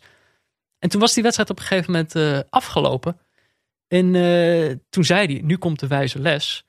Toen zei hij, ja, nu snap ik opeens waarom ik in mijn eentje bijna geen voetbal kijk. Ik vind het alleen leuk om het samen met iemand te doen. ja, Zie je, Jordi? Dus dat, dat, dat was de les voor mij. samen. We moeten gewoon samen voetbal kijken. Maar Je moet eens een keer de Instagram van Benzema je vader laten zien. Ik denk dat hij dat fantastisch vindt. ik, denk dat, ik denk dat hij helemaal over de rode gaat. Het is echt een soort kryptonite voor mijn vader. Ehm, nou, dan hebben we aardig wat lessen opgestreken, maar er kan er nog wel eentje bij. Motivational Eh, Pieter, Ja, dacht ik zo. Eh, beter geluid. Ja. Beter geluid. hij, hij, is, eh, hij heeft wat gedaan met eh, mijn kritiek. Ja, jouw kritiek is aangekomen. En hij heeft, nou ja, om, om jou dan toch ook tegemoet te komen, heeft hij, eh, heeft hij een minuutje over jouw favoriete trainer, Ben Thomas Tuchel. Oh, Maar dan heb ik het verklapt. Nou ja, Thomas Tuchel. Kijk een pressing. Kijk een pressing. Ik heb me afgelopen week enorm verheugd over de aanstelling van Thomas Tuchel bij Chelsea. Dat is gek, want ik heb niet echt iets met Chelsea. En Tuchel kan soms een flinke zeur zijn, zoals vaak genoeg besproken in deze podcast. Waarom dan toch mijn interesse? Ik denk omdat Tuchel een man van ideeën is. Iemand die expliciet ergens voor staat. Traint met tennisballen. Hoeken van velden afsnijdt, zodat de buitenspelers de achterlijn niet halen. Na zijn debuut vrolijk roept dat zijn team 16 ballen veroverd heeft in de final third. Geen manager, maar een man met ideeën. Dat vind ik fijn, in een tijd waarin keuzes vooral verborgen lijken te worden. Omdat zij, die ergens voor staan, op het schavot gezet worden. Volgas voetbal? Haha, ik zie het niet. Ten Hag maakt voetbal veel te ingewikkeld. Nu vind ik ook niet dat we onbelangrijke zaken te belangrijk moeten maken, maar wel dat we de waarom-vraag vaker mogen stellen. Ontwerpers zeggen dat je pas na drie waarom-vragen tot de kern komt. Dat mogen we best vaker proberen. Juist ook los van het voetbal. Om ergens naartoe te werken in plaats van te rennen van incident naar incident. Kijk een pressing. Kijk een pressing. Nou Jordi, het vind je fijn om te horen. dit is... eh, Doet jou goed. je kont in de krip gooien, wat eh Motivational Pieter nu weer doet. Dit zijn de soort spanningen, daar moet ik me dan weer eh, tussen manoeuvreren. Hij geeft je een vinger met die microfoon en dan, Mm. daarna krijg je een vuistslag. Spuugt die op je. Spuugt Ja. gewoon op je eigenlijk. Dat is het eigenlijk, praktisch gezien. Dan zijn we alweer toe aan het gecrowdsourced onderdeel van de aflevering. Onze vrienden van de show krijgen het privilege om namen in ons script te zetten. En dan moeten wij raden waarom die in ons script staan. Nou, ze hebben er weer eh, wat opgezet, Jordi. Heb jij er al eentje die je wil noemen? Of zal ik Ik heb beginnen? eerst, eh, eerst eh, kritiek op bijvoorbeeld Perry. Oh. Perry die heeft vanmiddag 1, 2, 3, 4, 5, vijf namen achter elkaar gepost. Perry, kom op Eén. nou jongen, even, even. de verdimmen. Ja, Je bent niet de enige. Het mag best. Kijk, wij, hebben, wij zijn heel streng geweest van je mag alleen een naam, geen context, bla bla bla bla. bla. En het, het is natuurlijk feitelijk van een week. Ik snap best wel dat het soms moeilijk is. Maar twee is wel echt een max op Perry. Kom op hé. Max 2. Ja, ik heb nog wel een naam. begin jij maar. Niet van Perry. Van, Ro- van Rodney heeft hij erop gezet. Eh, Didier Lamkelzee. Oh, die, eh, Nou, wij hebben het natuurlijk vaker over gehad in deze podcast. Was het zorgenkindje van Antwerp. hij is nog steeds niet weg volgens mij. Nou, Jordi. Integendeel. Hij is aan het scoren geslagen. Maakte twee eh, fantastische goals tegen Waasland Beveren. Vanuit eh, buiten de 16. één keer vanaf 30 meter rost hij die bal erin. Maar, en dat is, ik bedoel. Hij heeft Ja. nou drie keer gescoord in vier wedstrijden. Sinds de hele, sinds de Gate. hele gate van het, eh van het Anderlecht shirt. Mocht je het vergeten zijn, hij kwam met het shirt van de club waar hij graag naartoe wilde. En, en feitelijk een, een concurrent eigenlijk tegenwoordig. Eh, naar het complex eh, van zijn huidige club Antwerp. een soort. Ik bedoel, uiteindelijk laat hij gewoon weer zien dat het zowel een geweldige voetballer is als iemand die buiten het veld steeds de rallies opzoekt. En hij zou natuurlijk ook niet Didier Lamkelzee zijn als er niet ook tijdens deze wedstrijd weer Iets, wat aan de hand was.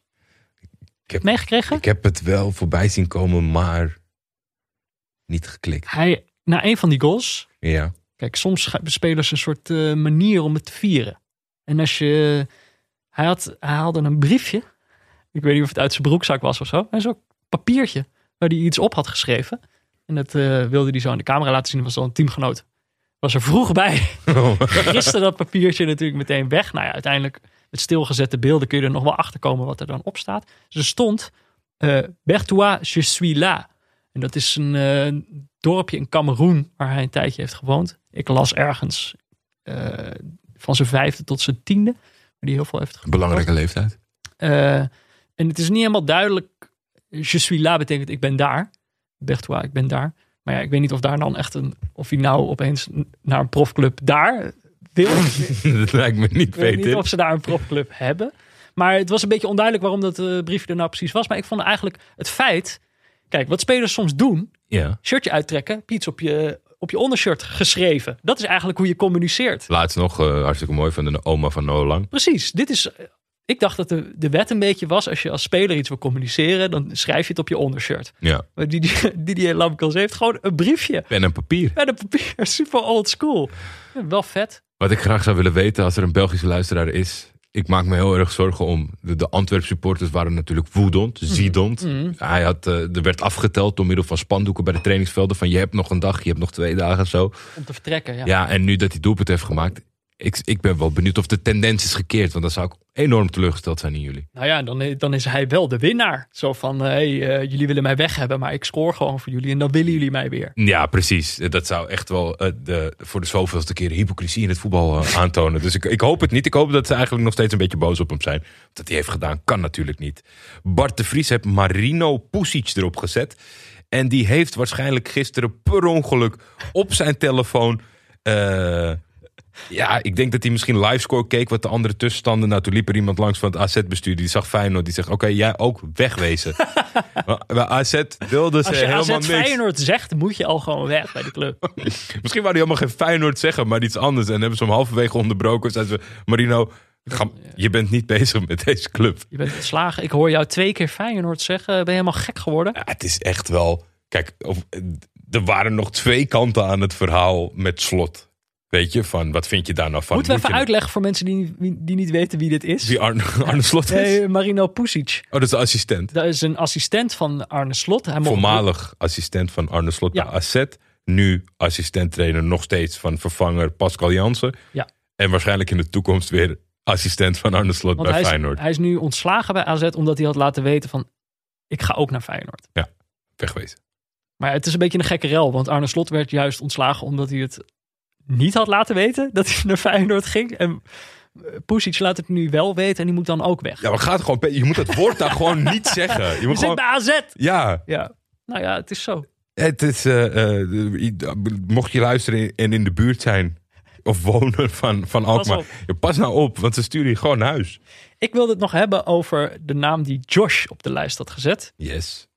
Namelijk, hij heeft de bijnaam van iemand opgezet. Bijnaam die ik nog niet kende. Het vlindermes van de Vinkenhof. ja, fantastisch. ja, ik moest even opzoeken wie dat was. Ik heb dit niet meegekregen. Gek is, dan ga je dat googlen en dan zie je, hè, het is al... Iedereen heeft het daarover. Hoezo heb ik dat Heraklion werd erbij gehaald. eh, Ja, even kijken. De vlindermes van de Vinkenhof is namelijk Roel Jansen van Fortuna. Oudspeler van VVV. Twee ploegen die elkaar eh, troffen dit weekend. Nou, en dan krijg je een kop van Dagblad de Limburger. Vlindermes van de Vinkenhof laat het kanon van Heraklion verstommen. ja. Ik denk echt... soms probeer je je voor te stellen hoe dit er allemaal uit moet zien voor iemand die voetbal niet volgt. Dan denk je, wat is dit voor... ja, maar ook voor iemand Wat die zijn voetbal aan het volgt. doen? Ja, maar dit is gewoon... Ja, sorry Waar hoor. hebben maar- jullie het Maar dan? deze hele bijnaam is gewoon gelul. Want dit, dit is, Peter, dit is niet iets wat zeg maar een soort van een keer wordt genoemd en dat jij en ik zouden vergeten. Of dat de- dit, dit- het gaat nooit hierover. Het is fantastisch, Mm. dus je zou het niet vergeten. Het is gewoon verzonnen. Vlindermes van de Vinkenhof. Ja. Want eh, het kanon van Heraklion is natuurlijk Giacomakis. Ja. Toch? De, de Griekse Maar spits ik denk dat diezelfde redacteur, journalist dat ook verzonnen heeft. Ik, ik kwam een stukje tegen tijdens het googelen Mhm. van Wim Moorman op de Venloer grensbode. Eh, dat is een eh, weblog die is vernoemd naar een verhaal van Neschio. Eh, en het stukje had de titel Notities van een VVV-volger. Dus die had eh, de wedstrijd zitten kijken, had een paar notities gemaakt. Eh, ik ga een paar van die notities voorlezen. Heel graag. Om eh, dit geheel te verhelderen. De notities van Wim Moorman. Dit is de noti- deze notitie heet Vinkenhof. Schrijft hij op. Geen Venlo-specialist, dus moeten opzoeken wat de Vinkenhof was. Website Ons Fort, dubbele punt, dat is dan een citaat. De Vinkenhof was een kasteelboerderij met binnenplaats in de oostelijke bandtuin van Venlo. Tweede notitie. Het vlindermes van de Vinkenhof. Dus haakjes 1. Geen bijnamenspecialist, maar wel eens betere en toepasselijkere bijnamen gehoord. Te lang, geen rijm, te veel voorkennis vereist. Bovendien suggereert vlindermes wendbaarheid, bewegelijkheid en snelheid. Stuk voor stuk eigenschappen die Roel Jansen ten ene male vreemd zijn. Volgende notitie. Het kanon van Heraklion. Met eh, kanon met een kleine letter. Geen cretensische ba- ballistiek specialist, dus moeten opzoeken.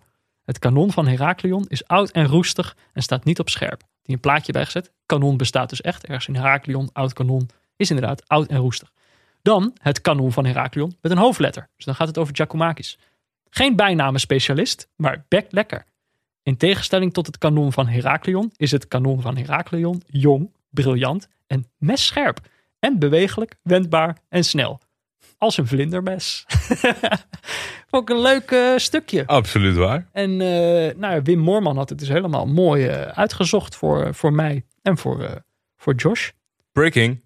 Oh. Miroslav Stoch Oh, oké. was transfervrij. Gaat naar de Poolse extraklassa. Oké. En gaat spelen voor Zaglebi Lublin. Nou ja. Eh, mooie stap. Toch? Waar heeft hij allemaal? Die heeft toch ook Turkije al achter de rug? Ja, Fenerbahce heeft hij gezeten. Verschrikkelijke club.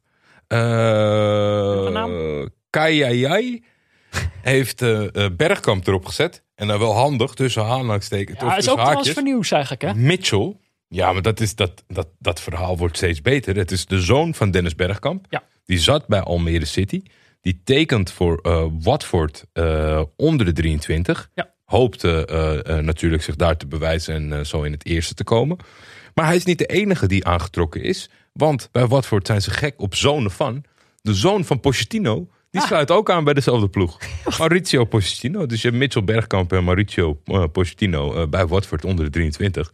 Eh, gezellig. Ja, dat zou je bij FM denken dat er een bug in zit of dat het een region is. Maar dat, dat zijn echt de zonen van die nu samen gaan spelen in Engeland. Het zonenelftal. Ja, leuk. Leuk. Leuk, Su- leuk, Succes bij leuk. Watford onder de 23.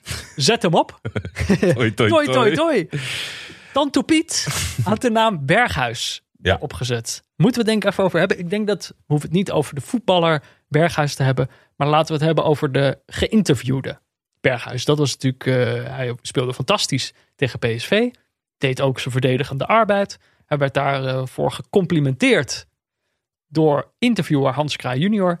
En dan eh, reageert hij een beetje geagiteerd. Zo van, ja, eh, heb je die vorige wedstrijden niet gekeken? Deed ik toch ook verdedigende arbeid? Speel ik toch ook goed? Eh, en dan Hans Kraai junior die dan meteen t- Oh, oh, oh, terugkrabbelt. Oh, sorry, ja, ik probeerde je niet te beledigen of zo. Hoef je niet zo eh, als door een adder gebeten te reageren. Eh, maar ik dacht, ik was benieuwd, wat vind jij daarvan?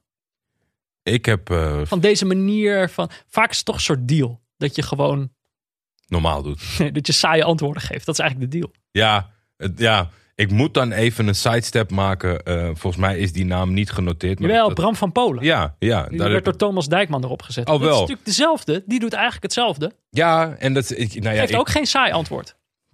ik wil eigenlijk dan even een, een, een, een berichtenwisseling. Die ik naar aanleiding van mijn tweet. Want ik vond eh, de teksten die, eh, die, die gebruikte eh idioot. Ja, even duidelijk. Bram van Polen wordt er afgestuurd met rood. Omdat hij tegenstander Balk heeft geduwd. Ja. Eh, en Nou ja, dan zo. zegt hij van ja, de- dan wordt hij er daarna naar gevraagd. En dan zegt hij ja, ik duwde hem gewoon. Maar had ik hem nou maar gewoon op zijn gezicht geslagen? Op zijn bek geslagen. Op zijn bek geslagen. En dat is dan authentiek en, en, en leuk. En dan, Mhm. ik snap wel vanuit Thomas Dijkman, dat is een jongen waar ik mee gevoetbald heb. En ik, ben, natuurlijk- ik heb redelijk eh, lang een agressieprobleem gehad op het veld. Dus die vonden dat grappig dat ik me daar tegen uitsprak. maar ik kan me ook heel goed vinden in de Bram van Polen. Als je zeg maar genaaid wordt. Snap je dat? Dus zeg maar in de emotie van de wedstrijd. En jij hebt het idee van ik heb niks gedaan. De beelden die, die, die zijn twijfelachtig. Ja, Oké, maar nu is de situatie zo. Bram van Polen gooit deze gozer tegen zijn eigen keeper aan. Wat echt een gevaarlijke situatie nog- oplevert. dit is nog niet eens waar hij rood voor kreeg. Nee, precies. Ja. Maar dan reageert hij omdat die jongen zijn keeper raakt. Wat hij, wat, wat hij dus doet. Ja. Dan duwt hij hem. Waarvan ik dacht van, nou spelers, weet je, we kennen ze allemaal. Laten zich vallen, vliegen naar achteren. Deze jongen krijgt echt een sweeper. Waar ook nog eens, weet je, dat is best wel eh, eh, te verantwoorden dat je daar rood voor krijgt. Ja. En daarna zegt hij van, nou ja, wat een belachelijk joch. Ik had hem eigenlijk op zijn bek moeten slaan. Ja, maar dan, dan, dan gaat het niet Ik had over hem nog een hardere sweeper moeten geven. niet over authenticiteit of over niet politiek correct zijn of wat dan ook. Dit is gewoon idioot. Dat heb ik ook toen gezegd over Bizot. Als jij beelden erop terugkijkt en je komt tot zo'n andere conclusie dan die beelden. en je wil dan toch nog op deze rare manier je punt maken. dan gaat er iets niet helemaal lekker. Denk ik. En ik vind het ook, weet je wat ik ook wil zeggen? Dit wordt nu authenticiteit genoemd. Ja, Ah, lekker dat hij dat gewoon zegt. Als Tanane een scheidsrechter mafkees noemt, dan Ja. ja, moet hij weer terug naar de anger management eh, cursus. ja eh, enge management. Eh, sommigen zouden hem liever naar Casablanca terugbrengen. Dus, dat, dat, dat, is, dat, ja, het is, een goed, is een hand, goed voorbeeld. Is een goed voorbeeld. Als je, dus- als je heel goed de situatie kijkt, Bram van Polen, Tanane, dan ga je vanzelf de lijntjes zien waar die andere beoordeling nou vandaan zou kunnen komen. Maar dan moeten we ook helemaal terug naar Berghuis. Ja, Ik, ik, ik, ik, ik hou niet zo van zijn maniertjes. Sommige mensen wel. En ik vind wel dat in dit geval, ik denk vooral dat het verraadt wat hem zelf dwars zit. Ja. Ik, Hans Kraai junior stelt wel eens eh, absurde vragen. Gaat wel eens eh, zijn boekje te buiten. Maar er zit echt nooit geen kwade bedoelingen in zijn vragen. Nee, hij wil gewoon je vriend zijn. Hij wil Ja. iedereen's vriend zijn. Ja, dus je hoeft echt niet bang te zijn dat hij bedoelde dat jij nooit arbeid. Alleen zelf twijfel je misschien over de arbeid die je Ja, levert. of net iets te veel online gelezen. En hij doet, eh, hij doet altijd een beetje aan de overrompeltechniek. Hè? Dat heb ik toen ja, een paar keer dat hij een elleboog gaf aan iemand. En dan ging hij eh, eh, heel snel het. het Berghuis. Ja, en dan ging hij, ga je heel snel zeg maar, het, het gesprek aan. En dan oude jongens krentenbrood en een schouderduwtje. En ah ja, dat gebeurt wel eens. en dan loop je weg. Dat, dat heeft hij nu een paar keer gedaan. En ik vond dit ook. Hij zit zo hoog in de emotie. Ja. Laat het gaan, Steven. Ja, ik moet Na dit wel seizoen zeggen, ben je transfervrij. als ik hier een soort algemeen punt eh, van moet maken. Dat er is natuurlijk wel een behoefte aan authenticiteit. Dat is gewoon soms irritant. En ik bedoel, het is niet echt het werk van voetballers om daarna ook nog eh, heel authentiek eh, lekker uit je woorden te komen voor de camera. Niet iedereen kan dat. Maar het is ook wel irritant dat, dat je altijd dan toch begrijpend moet luisteren. En dan denken van wat wordt hier nou eigenlijk gezegd of zo. Terwijl Wij, er is toch wel een soort behoefte als iemand gewoon een keer wij, de mensen, moeten ophouden met jongens die gewoon normaal doen. De hele tijd tegen te zeggen van, "Haha, wat lekker normaal dit. Ja, ja. Dat, dat verpest alles. Want al deze mensen die ooit vrij uit wilden praten, hebben dat zo vaak moeten horen. Dat je nu uiteindelijk, want Bram van Polen, een prima gozer, die gewoon echt normaal gewoon eh, heldere dingen zegt, die gaan op den duur ernaar acteren. ja. Snap je? En dat is wat er met Bram van Polen aan de hand is. En dat is eh, matig. Oké. Eh, Ibrahim Afellay wil ik bij deze sterkte wensen met zijn vervolgcarrière. Hij is gisteren gestopt met voetbal.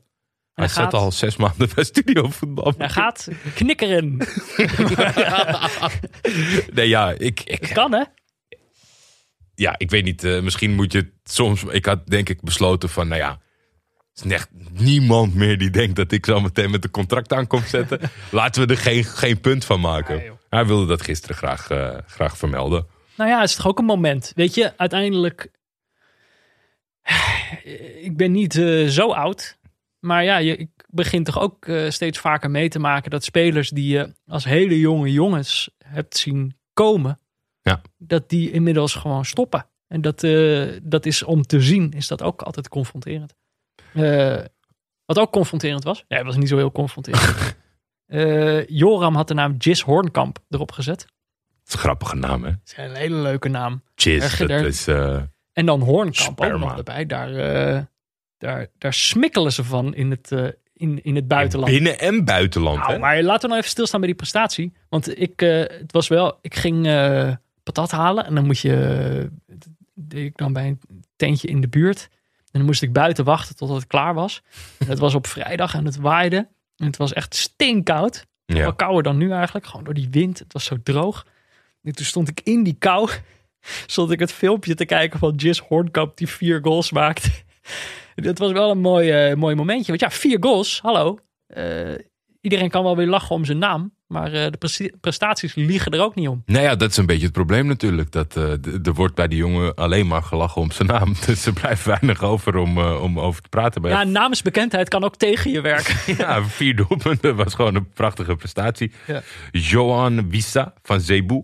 Dat was eh, eh, degene die de gelijkmaker maakte als invaller bij Lorient Paris Saint-Germain. Ja. Daarna kwam eh Melfi, Morfi, Morfi. Die kwam er nog overheen. Want Pochettino op zijn eerste verlies te pakken. Ja. PSG verloren. PSG verloren van Lorient. Ja. Maar dat is natuurlijk een mooie prestatie. Maar Lorient liet de kans ook niet onbenut om... eigenlijk het mooiste wat er gebeurde... was de manier waarop volgens mij deze Visa Ging juichen. ging juichen. Ja. Want we hebben natuurlijk die hele episode gehad eh, in, de, in de Champions League... waarin van vorig seizoen... waarin eh, Paris Saint-Germain met hangen en wurgen Dortmund eh, uitschakelde. En ze toen met z'n allen Haaland gingen pesten. Ja. Door te juichen als Haaland. Zoals hij altijd zijn karakteristieke juichmanier in een soort meditatiehouding gaan zitten. Gingen ze met z'n allen een of andere 18-jarige jongen pesten. En nu ging eh, Lorient ging terugpesten. Ja, Wel mooi. en vlak voor de uitzending eh, zag De ik... bullies eh, worden gepest. Ja, maar en dan toch, het, het is zo treu, het is sneu. Want Lorient heeft natuurlijk gisteren, ja, gisteren de avond nog even een foto geplaatst van hoe ze zo zitten te juichen. Magnifiek erboven. Heeft Borussia Dortmund vanmiddag, Twitter-account. ja, eh, what goes around, knipoog. Heeft Neymar Het daarop, bekende Duitse spreekwoord. What goes around comes around. heeft Neymar op Dortmund gereageerd met you remember en dan weer zichzelf zo zittend. Toen dacht ik van ja, maar Neymar, dat is een beetje het punt. Wat ze- Daarom ging, dat deed, daarom ging L'Oréal zo juichen. Daarom retweet Dortmund dit. Ja, dat is een ongekend laag niveau van, eh, van Neymar. Het het Je snapt het gewoon niet. En ik moest dan. Zit Ik, hij twee keer voor lul? ik- ik- iemand reageerde nog wel, want ik reageerde even snel. Chiron Holbein die zei: accounts van voetbalclubs moeten hun bek houden. Met mijn inziens. Althans, ik vond het tijdperk daarvoor leuker. Ja. Is, is een goed punt dat clubs accounts niet grappig moeten doen. Maar Neymar moet je gewoon bij elke poging pakken. En als je hem dan ook nog weet te pakken dat hij zichzelf weer voor lul zet omdat hij het niet snapt. Nou, dan is wel maar bonuspunten. Dus voor deze keer akkoord eh, Dortmund. Ja, vooruit dan maar. Petrobal, Zelko Petrovic, heeft uh, Wie zet dit erop? zeg je het? Ook Cebu. Ook Cebu. Ja. Twee namen. Max hè? Mag niet meer. Hij, heeft, hij is gegaan voor Zelko Petrovic bal. Ik vind Petrobal leuker, denk ik. Petrobal. Ja. Petrovic bal. Ze nee, ik denk Zelko-bal. Zelko bal. Zelko-bal. Eh 2-0 overwinning op Emma. Het noodlijdende Emma. Ja, Heb ik nog wel een gewetensvraag voor jou. Afgelopen week eh, had eh eh, Anko Jansen een heel mooi trucje. Heb ik gezien. Mag dat? Eh, nou, het trucje? Een trucje mag. Of je, of je het trucje mag delen als je Online. verloren hebt online. Ja, tuurlijk. Ik vind dat echt, want eh, ik, zat, ik, had, ik had die wedstrijd volgens mij, had ik die live opstaan. PSV Emma. Eh, Mooi trucje. ja, prachtig trucje. Maar hij heeft inderdaad, eh, sowieso, dat was het ene trucje, maar sowieso aan die rechterkant dolde die een aantal keer wel eens direct de tegenstander. Ik weet niet meer wie dat nou precies was. Maar eh, hij was sowieso wel lekker bezig. Hij had het wel op zijn heupen in die wedstrijd. Nou, en dus na die wedstrijd inderdaad kwamen de gifjes online van dat trucje. Ik, eh, gewoon een goed, het was ook een functioneel trucje. Ja. Dus niet, niet even op de bal gaan staan of zo. Maar hij speelt wel op een... eh, Het was eigenlijk de enige manier om er langs te komen. precies, op technisch vaardige manier speelt hij een medespeler vrij. Ja, natuurlijk mag je dat delen. Want het punt was, wat was de discussie nou? Hij staat laatste. Hij staat laatste. Dan ja. Dan moet je het wegstoppen als je iets leuks doet. ja, nou ja, ik, ik, Vinden ik- mensen dat echt? Ja, nou, er, best, er waren best wel veel mensen die dat vonden. Dus eh, eh, wat dat betreft. eh, Wat willen die mensen nou? Saai voetbal. ja, wat, waarom, willen jullie, waarom willen jullie het voetbal voor ons verpesten? Waarom willen jullie dat de neutrale kijkers ongelukkig zijn? Ze willen ons ongelukkig zien, Jordi. ja, Dat is het. dat is het gewoon. Niemand- Niemand mag er een trucje doen. Random DM van Henk Spaan. Misschien dat het ook als het namenlijst ding bedoeld Het was. cirkelt allemaal weer terug, hè? Kamavinga, Jezus. ja, ik, eh, ik eh, was het. eh, ik was Was hij het weer goed dit weekend? Ik heb het niet gezien. Hij eh, eh, deed weer weinig fout. Eh, dit, eh, dat was midweeks, denk ik. Ja, het was midweek. Het was midweekprogramma. Want dit, dit weekend ging het niet door. Omdat de supporters van Marseille het trainingscomplex hebben aangevallen. Die hebben hun eigen bestorming van het kapitool eh, gehad. Ja, zo noemde eh, de eigenaar McCord het. heeft toch ook, gevoelsmatig heeft het ook gewoon iets met elkaar te maken, toch? Dat mensen gewoon denken dat ze ergens kunnen inbreken. Mensen die vinden dat ze ergens recht op hebben. Mensen die niet helemaal goed bij hun hoofd zijn. Ontzettend raar, toch? Gewelddadig. Intim intimiderend. Ik word daar, ik word daar nooit, zo, uh, nooit zo vrolijk van als supporters. Nou, Als supporters zo... Uh, zich zo tot, tot slot denk ik dan... dan uh, zijn naam staat erop, maar ik denk dat ze een bedrag bedoelen. 556 miljoen in de afgelopen vier jaar. Ja, wat was het? Een half, een half miljard? Ruim, ruim. Nog eroverheen.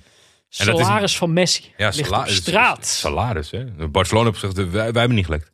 Heeft gezegd, uh, we vinden het schande.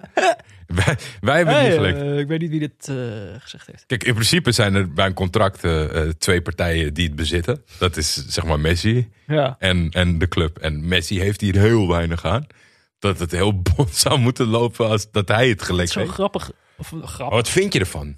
Nou, wat, is iemand zo... Nou, je schrikt toch van die hoeveelheid geld. Terwijl je denkt ook van, ja, hoeveel denk je dan? Jij ook nog? juist ik. Naïeve Peter schrikt weer van de, van de hoge bedragen die in het voetbal rondgaan.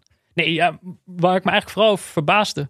Nee, heb ik me ook niet over verbaasd. Wat ik hier interessant aan vond, is dat hoe zeg maar een sterspeler en een club elkaar in een, elkaar in een soort wurggreep kunnen houden. En dan, want ergens denk je gewoon, ja, als Messi gaat, hoeveel geld je dan over hebt. Weet je wel, je kan alle financiële problemen van Barcelona, waar het al weken over gaat. Ja, iedereen die één blik in de boeken werpt, die ziet de oplossing. Ga die gast weg. Dan heb je opeens een half miljard uh, over.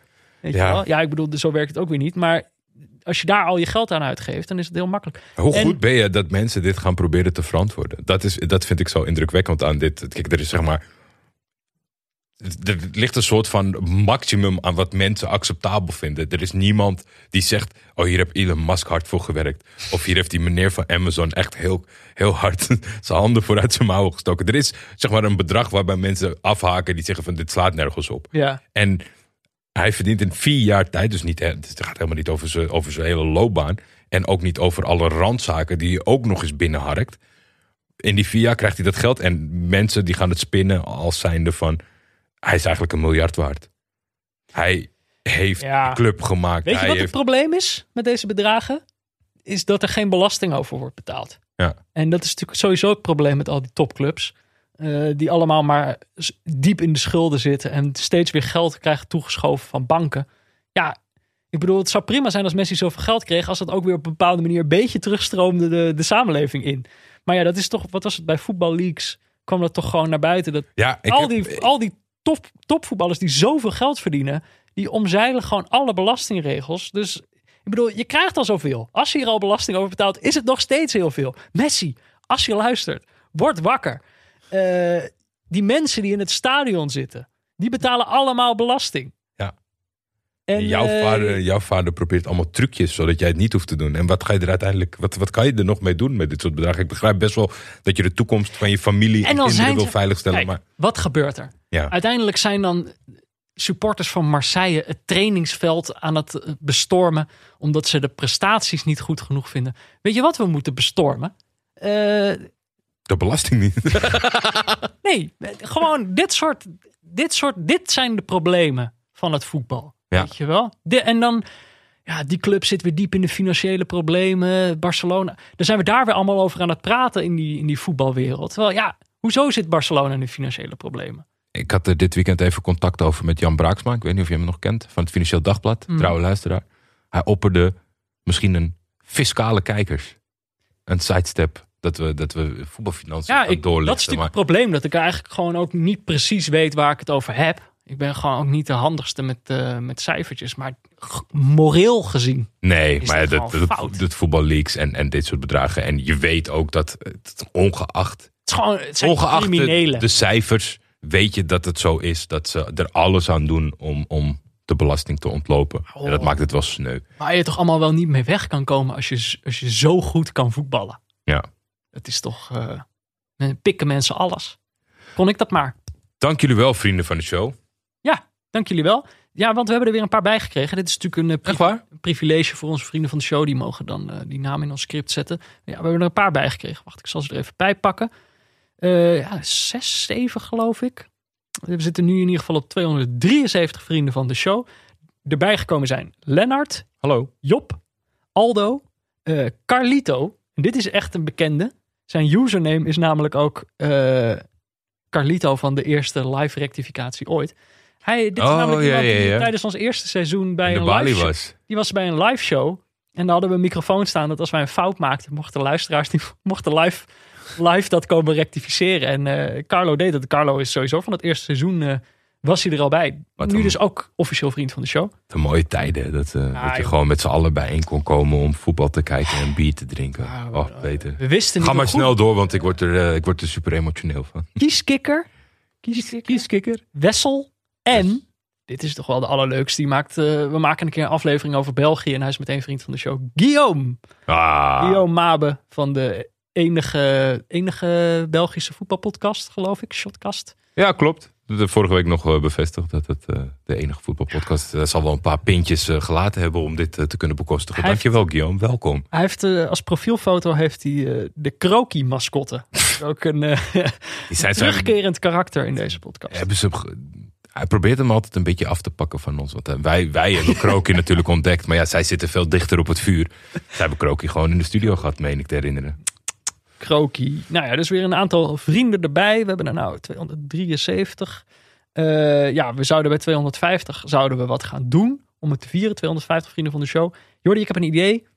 We gingen natuurlijk, we hebben al besloten dat we Pro Evolution Soccer tegen elkaar gingen spelen Ja, op jouw PlayStation. En dan kijken of we dat kunnen livestreamen, zodat, zodat mensen kunnen zien hoe wij het ervan afbrengen. dat we het niet uitzenden. Wat een privilege. Ja, we hebben het gevierd, eh, jongens.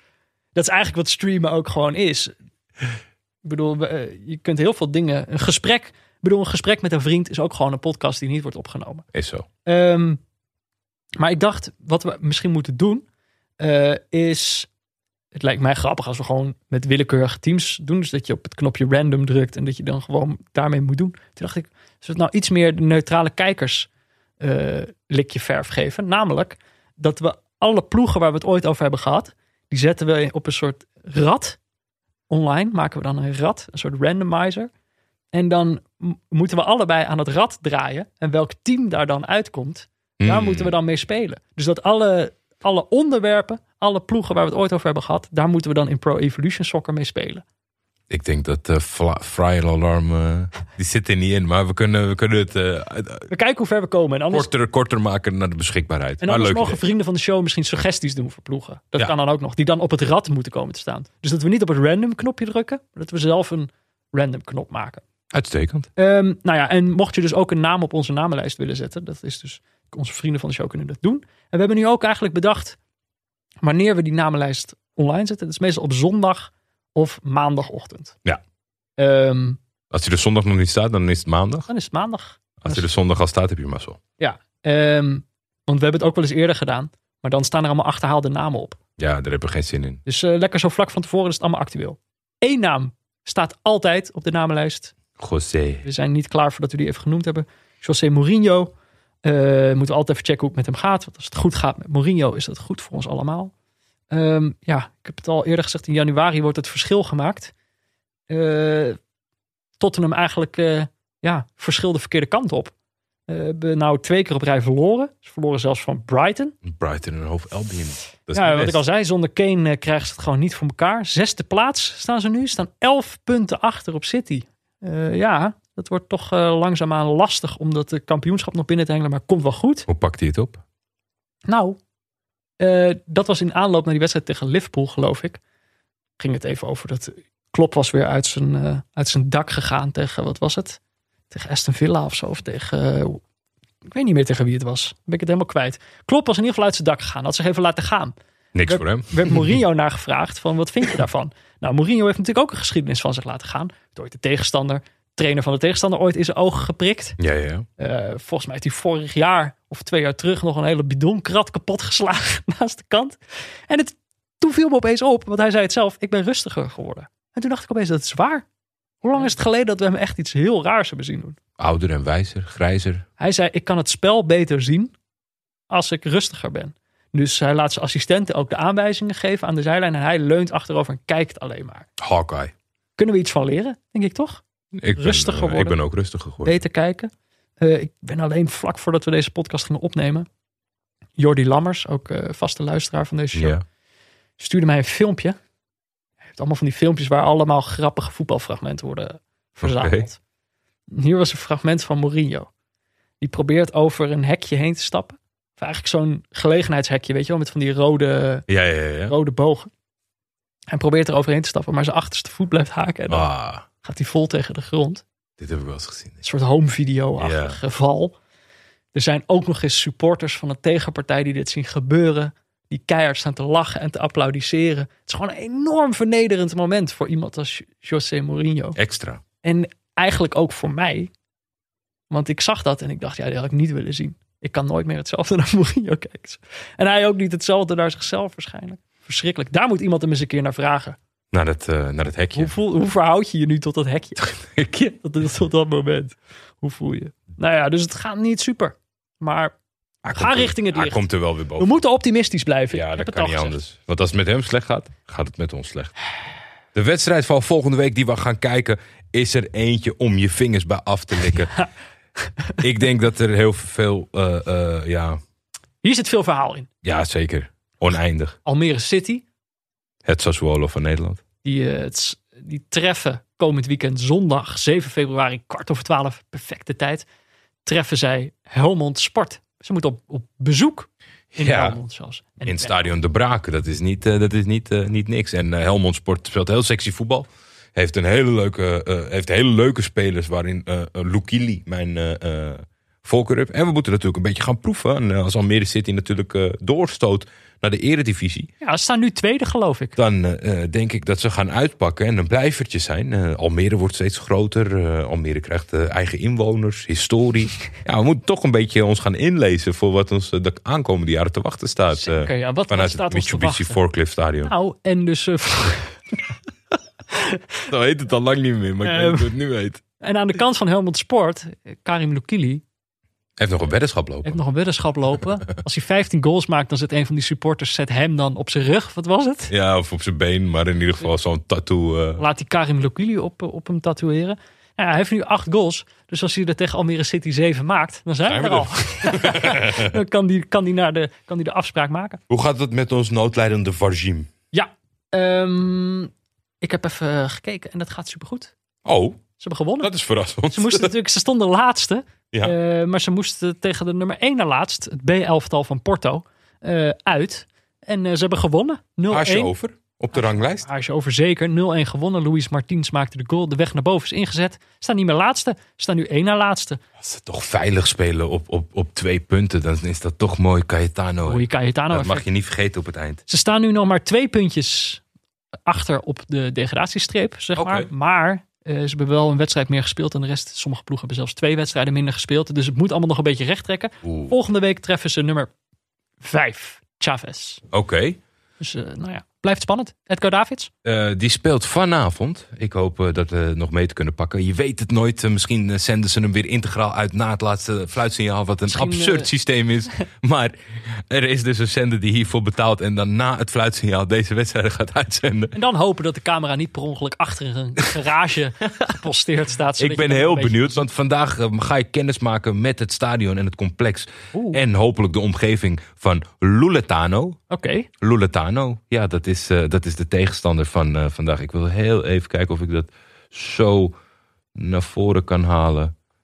Om een beetje perspectief te schetsen, maar dat gaat allemaal een beetje moeilijk. Hm. Daar kom ik volgende week op terug. Oh nee, dat hoeft niet. Luletano staat vijfde met 9 gespeeld en 15 punten. Dus een concurrent voor de heeft er al 11 gespeeld en 20 punten. Hmm. Dus dat is eh, eh, belangrijk voor. maar ja, alleen de nummer 1 die plaatst zich voor de play-offs, geloof ik. En de Victoria Nummer Shake 1 in de play-offs. Oh, er zijn meerdere. Je hebt allerlei groepjes, A, B, C, D, E, F, allemaal regio-based, want ze spelen heel veel in de eigen omgeving.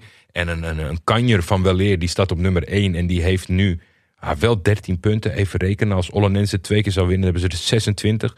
Staan ze 9 punten achter op de koploper. Dus flinke kluif voor Edgar Davids. Ja, en als je dus, als je dus eerste wordt, dat zegt dus nog niet dat je promoveert, want dan moet je nog... Het, het, het wordt een hele lange weg, maar een hele lange weg. ik ben er, Edgar. Ja. Ik ben er voor je. Eh, de kat van de keeper van OGC Nice. Ik Is heb er geen, eh, nee, geen updates. En ik Oh, dacht ook, ik bedoel, ik kan niet elke week zeggen hij is niet gevonden. Want het is dan elke keer zo'n domper aan het einde van de aflevering. Ja, Dus ik geef een update als ik, eh, als ik meer weet over de kat. ik hoop dat Tot nu toe? thuis is. Hercules heet hij. Met een rode staart. Luistert naar de naam Hercules. Ehm, dan zijn we er doorheen, Jordi. Oh, wat een vlieg als vlug was het deze keer. Maar ja, het vloog er doorheen. Eh, Neutrale Kijkers is mede mogelijk gemaakt door Dag en Nacht Media. De hoofdsponsor op de borst is Auto.nl. De muziek is Tachanka van Leon Lischner en Friends. En een adaptatie daarvan van Studio Cloak. De gegenpressing jingle is van Laurens Collet. De diepteanalyse is van Pieter Zwart. En de artwork is nog altijd van Barry Pirovano. Ehm, wil je meepraten? Dat kan. Je kan ons volgen op Twitter via @buurtvader of @defef. Je kan ons mailen op neutralekijkers@gmail.com als je wat langere vragen hebt eh, of bijdrages. Ehm, je kan ons ook volgen op Instagram. Er komt iedere week eh, een afbeelding van een mascotte op te staan. We kregen deze week, stuurde Manon een mascotte door. Oh, Vaccinatieprogramma van Spanje of zo. Of welk land was het nou? jeetje, ja, wat een enger. De Brazilië. Brazilië. Ja, hele enge mascotte. Het idee was volgens mij dat het een druppel was. Hij heet ook Drupulita of zo. ja, zoiets, maar niet dat. Maar ik, ik ben toch niet gek als ik zeg dat het een beetje lijkt op het pak van, een, van de Koekoeksclan? Nee. Maar Dit was echt een mascottemisser. Maar jij dacht ook, dit is, we moeten niet de mascottes ook van va- vaccinatieprogramma's. We Nee, nee, nee. hebben natuurlijk ook een mascotte van Brexit gehad in Nederland. Ja, die blauwe gekke, dat gekke pluis. We houden het bij voetbal. Ja, precies, mensen. Dus weet je, het is al iets, zeg maar, wat we op ons nemen waar we niet om gevraagd hebben toen we dit starten. En dat doen we met alle liefde. Maar laten we nou wel gewoon binnen de categorie blijven natuurlijk. Ja. Want eh, ja, dat, dat, gaat zo, eh, zo langer niet. eh. Laten we het al Ik werd er helemaal naar van. Druppelito. Druppelito. Ik weet niet of hij echt zo heet hoor. Nee, ik denk het niet. Druppelinho, waarschijnlijk. Het is een Braziliaan. Oké, je kan ons ook een eh, berichtje sturen, mocht je dat willen. Of gewoon vriend van de show worden op vriendvandeshow.nl slash neutrale kijkers. En eh, nou ja, verder, hou afstand, blijf neutraal en onthoud. We zijn onderweg naar het licht. Grijp iets vast waardoor je optimistisch kan blijven. En dan komen we er wel. Volgende week zijn we er weer. Tot dan, Jordi. Tot dan, Peter. Dacht dat jij hier zou zitten met een, eh, met een kopje maté. Ja, ik weet het. Ik weet niet of je matte zegt of maté. Heb jij het wel eens gedronken? Nee, maar Jij, jij hebt het natuurlijk van de week voorbij zien komen. ik weet ook niet precies eh, wat het is. Want het is- Niemand. dus je ziet het dan voorbij komen. Oeh, eh, Ajax heeft weer Zuid-Amerikaanse spelers. En die zijn dan de hele dag maté met elkaar aan het drinken. Ja, en ik, ik ben, vind dat best wel indrukwekkend. Want ik heb... Het enige wat je ziet is een soort, is dat rare ronde houten bekertje met een soort... het is een flespompoen. Een echte. Weet je waar het aan doet denken? Het lijkt, en daarom snap ik ook nooit zo goed. Want ik denk, ik dacht altijd, het is gewoon een kopje thee. Maar het Mhm. moet dan dus wel in zo'n speciaal, in, in een uitgeholde flespompoen blijkbaar. Ja, ja, ja. Met een soort, maar het, he- het, Met daardoor krijgt het een soort eh, connotatie van alsof het een soort zo'n bong is waarin ze in Amerikaanse films altijd wiet aan het roken zijn. Ja. Eh, of een soort waterpijpachtig ding. En daardoor denk ik ook altijd van, is het nou gewoon alleen thee? Of, of is er nog iets meer aan de hand? Maar jij hebt opeens, jij bent, jij bent nu gesponsord, kapot gesponsord door Mr. Maté. jij kan niet meer neutraal over eh Maté praten. Jawel, jawel. Oh. Dat heb ik ze ook meegegeven. Dat, eh, Mijn mening kan ik niet... eh, kijk, soms doe je wel eens dingen waar je misschien... hè, maar je mening is je mening. Dus MrMaté.nl, de, de oprichters, hadden even gezocht op Twitter. En die kwamen een oude tweet tegen van mij en een Blanke Bogarde. 2013. Ja, dat wij eh, ooit hadden gezegd. Maar dat was ook eh, de oprechte vraag van mij. Ik weet niet, wat, ik had hetzelfde wat jij had. Hoe smaakt het? Wat is het? Wat doet het? Nou ja, ik eh, kreeg een eh, fles pompoen met mijn hoofd erop eh, opgestuurd eh, van de toppers van uh, MrMaté.nl. En ik, Heb je het geproefd? ja, eh eh, Blanco Bogarde nog niet. Of tenminste, Oeh. ik heb hem niet gesproken eh, sindsdien. Het is heel kritisch, hè? Woensdag was natuurlijk eh, de wedstrijd eh, eh, van Ajax. En toen speelde Alvarez in de basis. Ik dacht, nou, mooi moment. Eh, Mhm. Ik pak mijn maté erbij. En toen stond er in die verpakking... en eigenlijk ben ik wel een beetje daredevil, maar er staat ook op van... Het, het hangt tussen thee en koffie in en heel veel antioxidanten. Maar er wordt niet gezegd, het is dit. Nou, eh, wij adviseren tussen de twee, twee en drie schepjes. En eh, ter indicatie, dat kan je opbouwen als je het lekker vindt. En Argentijnen die doen ongeveer driekwart van die flespompoen vol. En dat is ongeveer zeven schepjes. Dus ik dacht, nou ja... Oké, ik was toch twijfelig. Dus ik dacht, ik, ik, ik, had natuurlijk ook wel eens gehoord... Voorzichtig dat het, eh, beginnen. ja, voorzichtig beginnen. Dus ik deed twee. Dat ik echt dacht, ik was niet trots op mezelf. Want zij adviseerde al twee, dus dat was het instapmodel. Zo, Dat is bitter. Ja? Het is, het is mega bitter. Jij bent ook geen koffiedrinker, hè? Dat Nee, is natuurlijk een beetje bitter. ja. Maar het, is, het, ik moet, ik, het deed mij het meest denken aan... In Turkije doen ze thee vanuit zeg maar eh, twee koppen. Je hebt de basis, de thee, die is heel Mm. ja, ja. zwaar. Ja. En dan met water maak je hem wat slapper. En echte diehards, die doen geen water erbij. Want die drinken gewoon, oh, ik ben een man. En bitter. Mannenthee. Ja, thee voor mannen op RTL 7. Eh, dus ik, daar deed het me het meest aan denken. Maar ik kreeg al echt even, je krijgt echt wel een kick. En ik ben dus iemand die geen Daar zit koffie- gewoon wel goed veel cafeïne in. Ja, volgens mij wel. Oh, ja. Ik- terwijl ik ben zo iemand die, die toen Hele nacht wakker gelegen. Nee, maar energie- energiedrankjes op de markt kwamen. Toen was het Oh, allemaal nog niet zo bekend dat het slecht was en zo. Ik was jong en nou, toen zo'n liet fles bam weg. En dat was niet dat ik daar de hele nacht van wakker bleef liggen. Als koffie doe 's ochtends, dat heeft nul effect. Maar nu, ik had wel een soort van gloedje of gevoeletje. Ik, ik weet het niet. Het, het schijnt... eh, Ik vond het interessant genoeg om door te zetten. Maar ja, denk jij nu ook... eh, ik wil dit weten, wat echt de moeite is. Dan zou ik even gaan kijken op mrmathé.nl. Ik weet niet of ze voor iedereen zo netjes hun naam erop schrijven. Maar eh, ja, ik heb eh, een fles pompoen voor het leven. Ik wil het wel een keer proeven. Ik wil wel weten wat, wat, wat die gast altijd drinkt. Dan moet je ze wel lief aankijken, want ik ga je niet uit mij... eh, Oh nee, nee, nee. Het was geen open we sollicitatie. hebben maar- nee, maar- Oh, ik mag maar- niet uit jouw zakje. Je mag niet uit mijn fles pompoen. Je mag wel uit mijn zakje, maar niet uit mijn pompoen. Ah, Oké. Heel intiem eigendom. Hè? Het Ja. is heel belangrijk eh, dat in de Zuid-Amerikaanse cultuur. Oké, nou dan eh, ga ik zelf wel een fles pompoen uithollen. Ga ik nu eh, Dat allemaal wel. Nico Scheepmaker verder lezen. Ah, heerlijk. Dankjewel nog.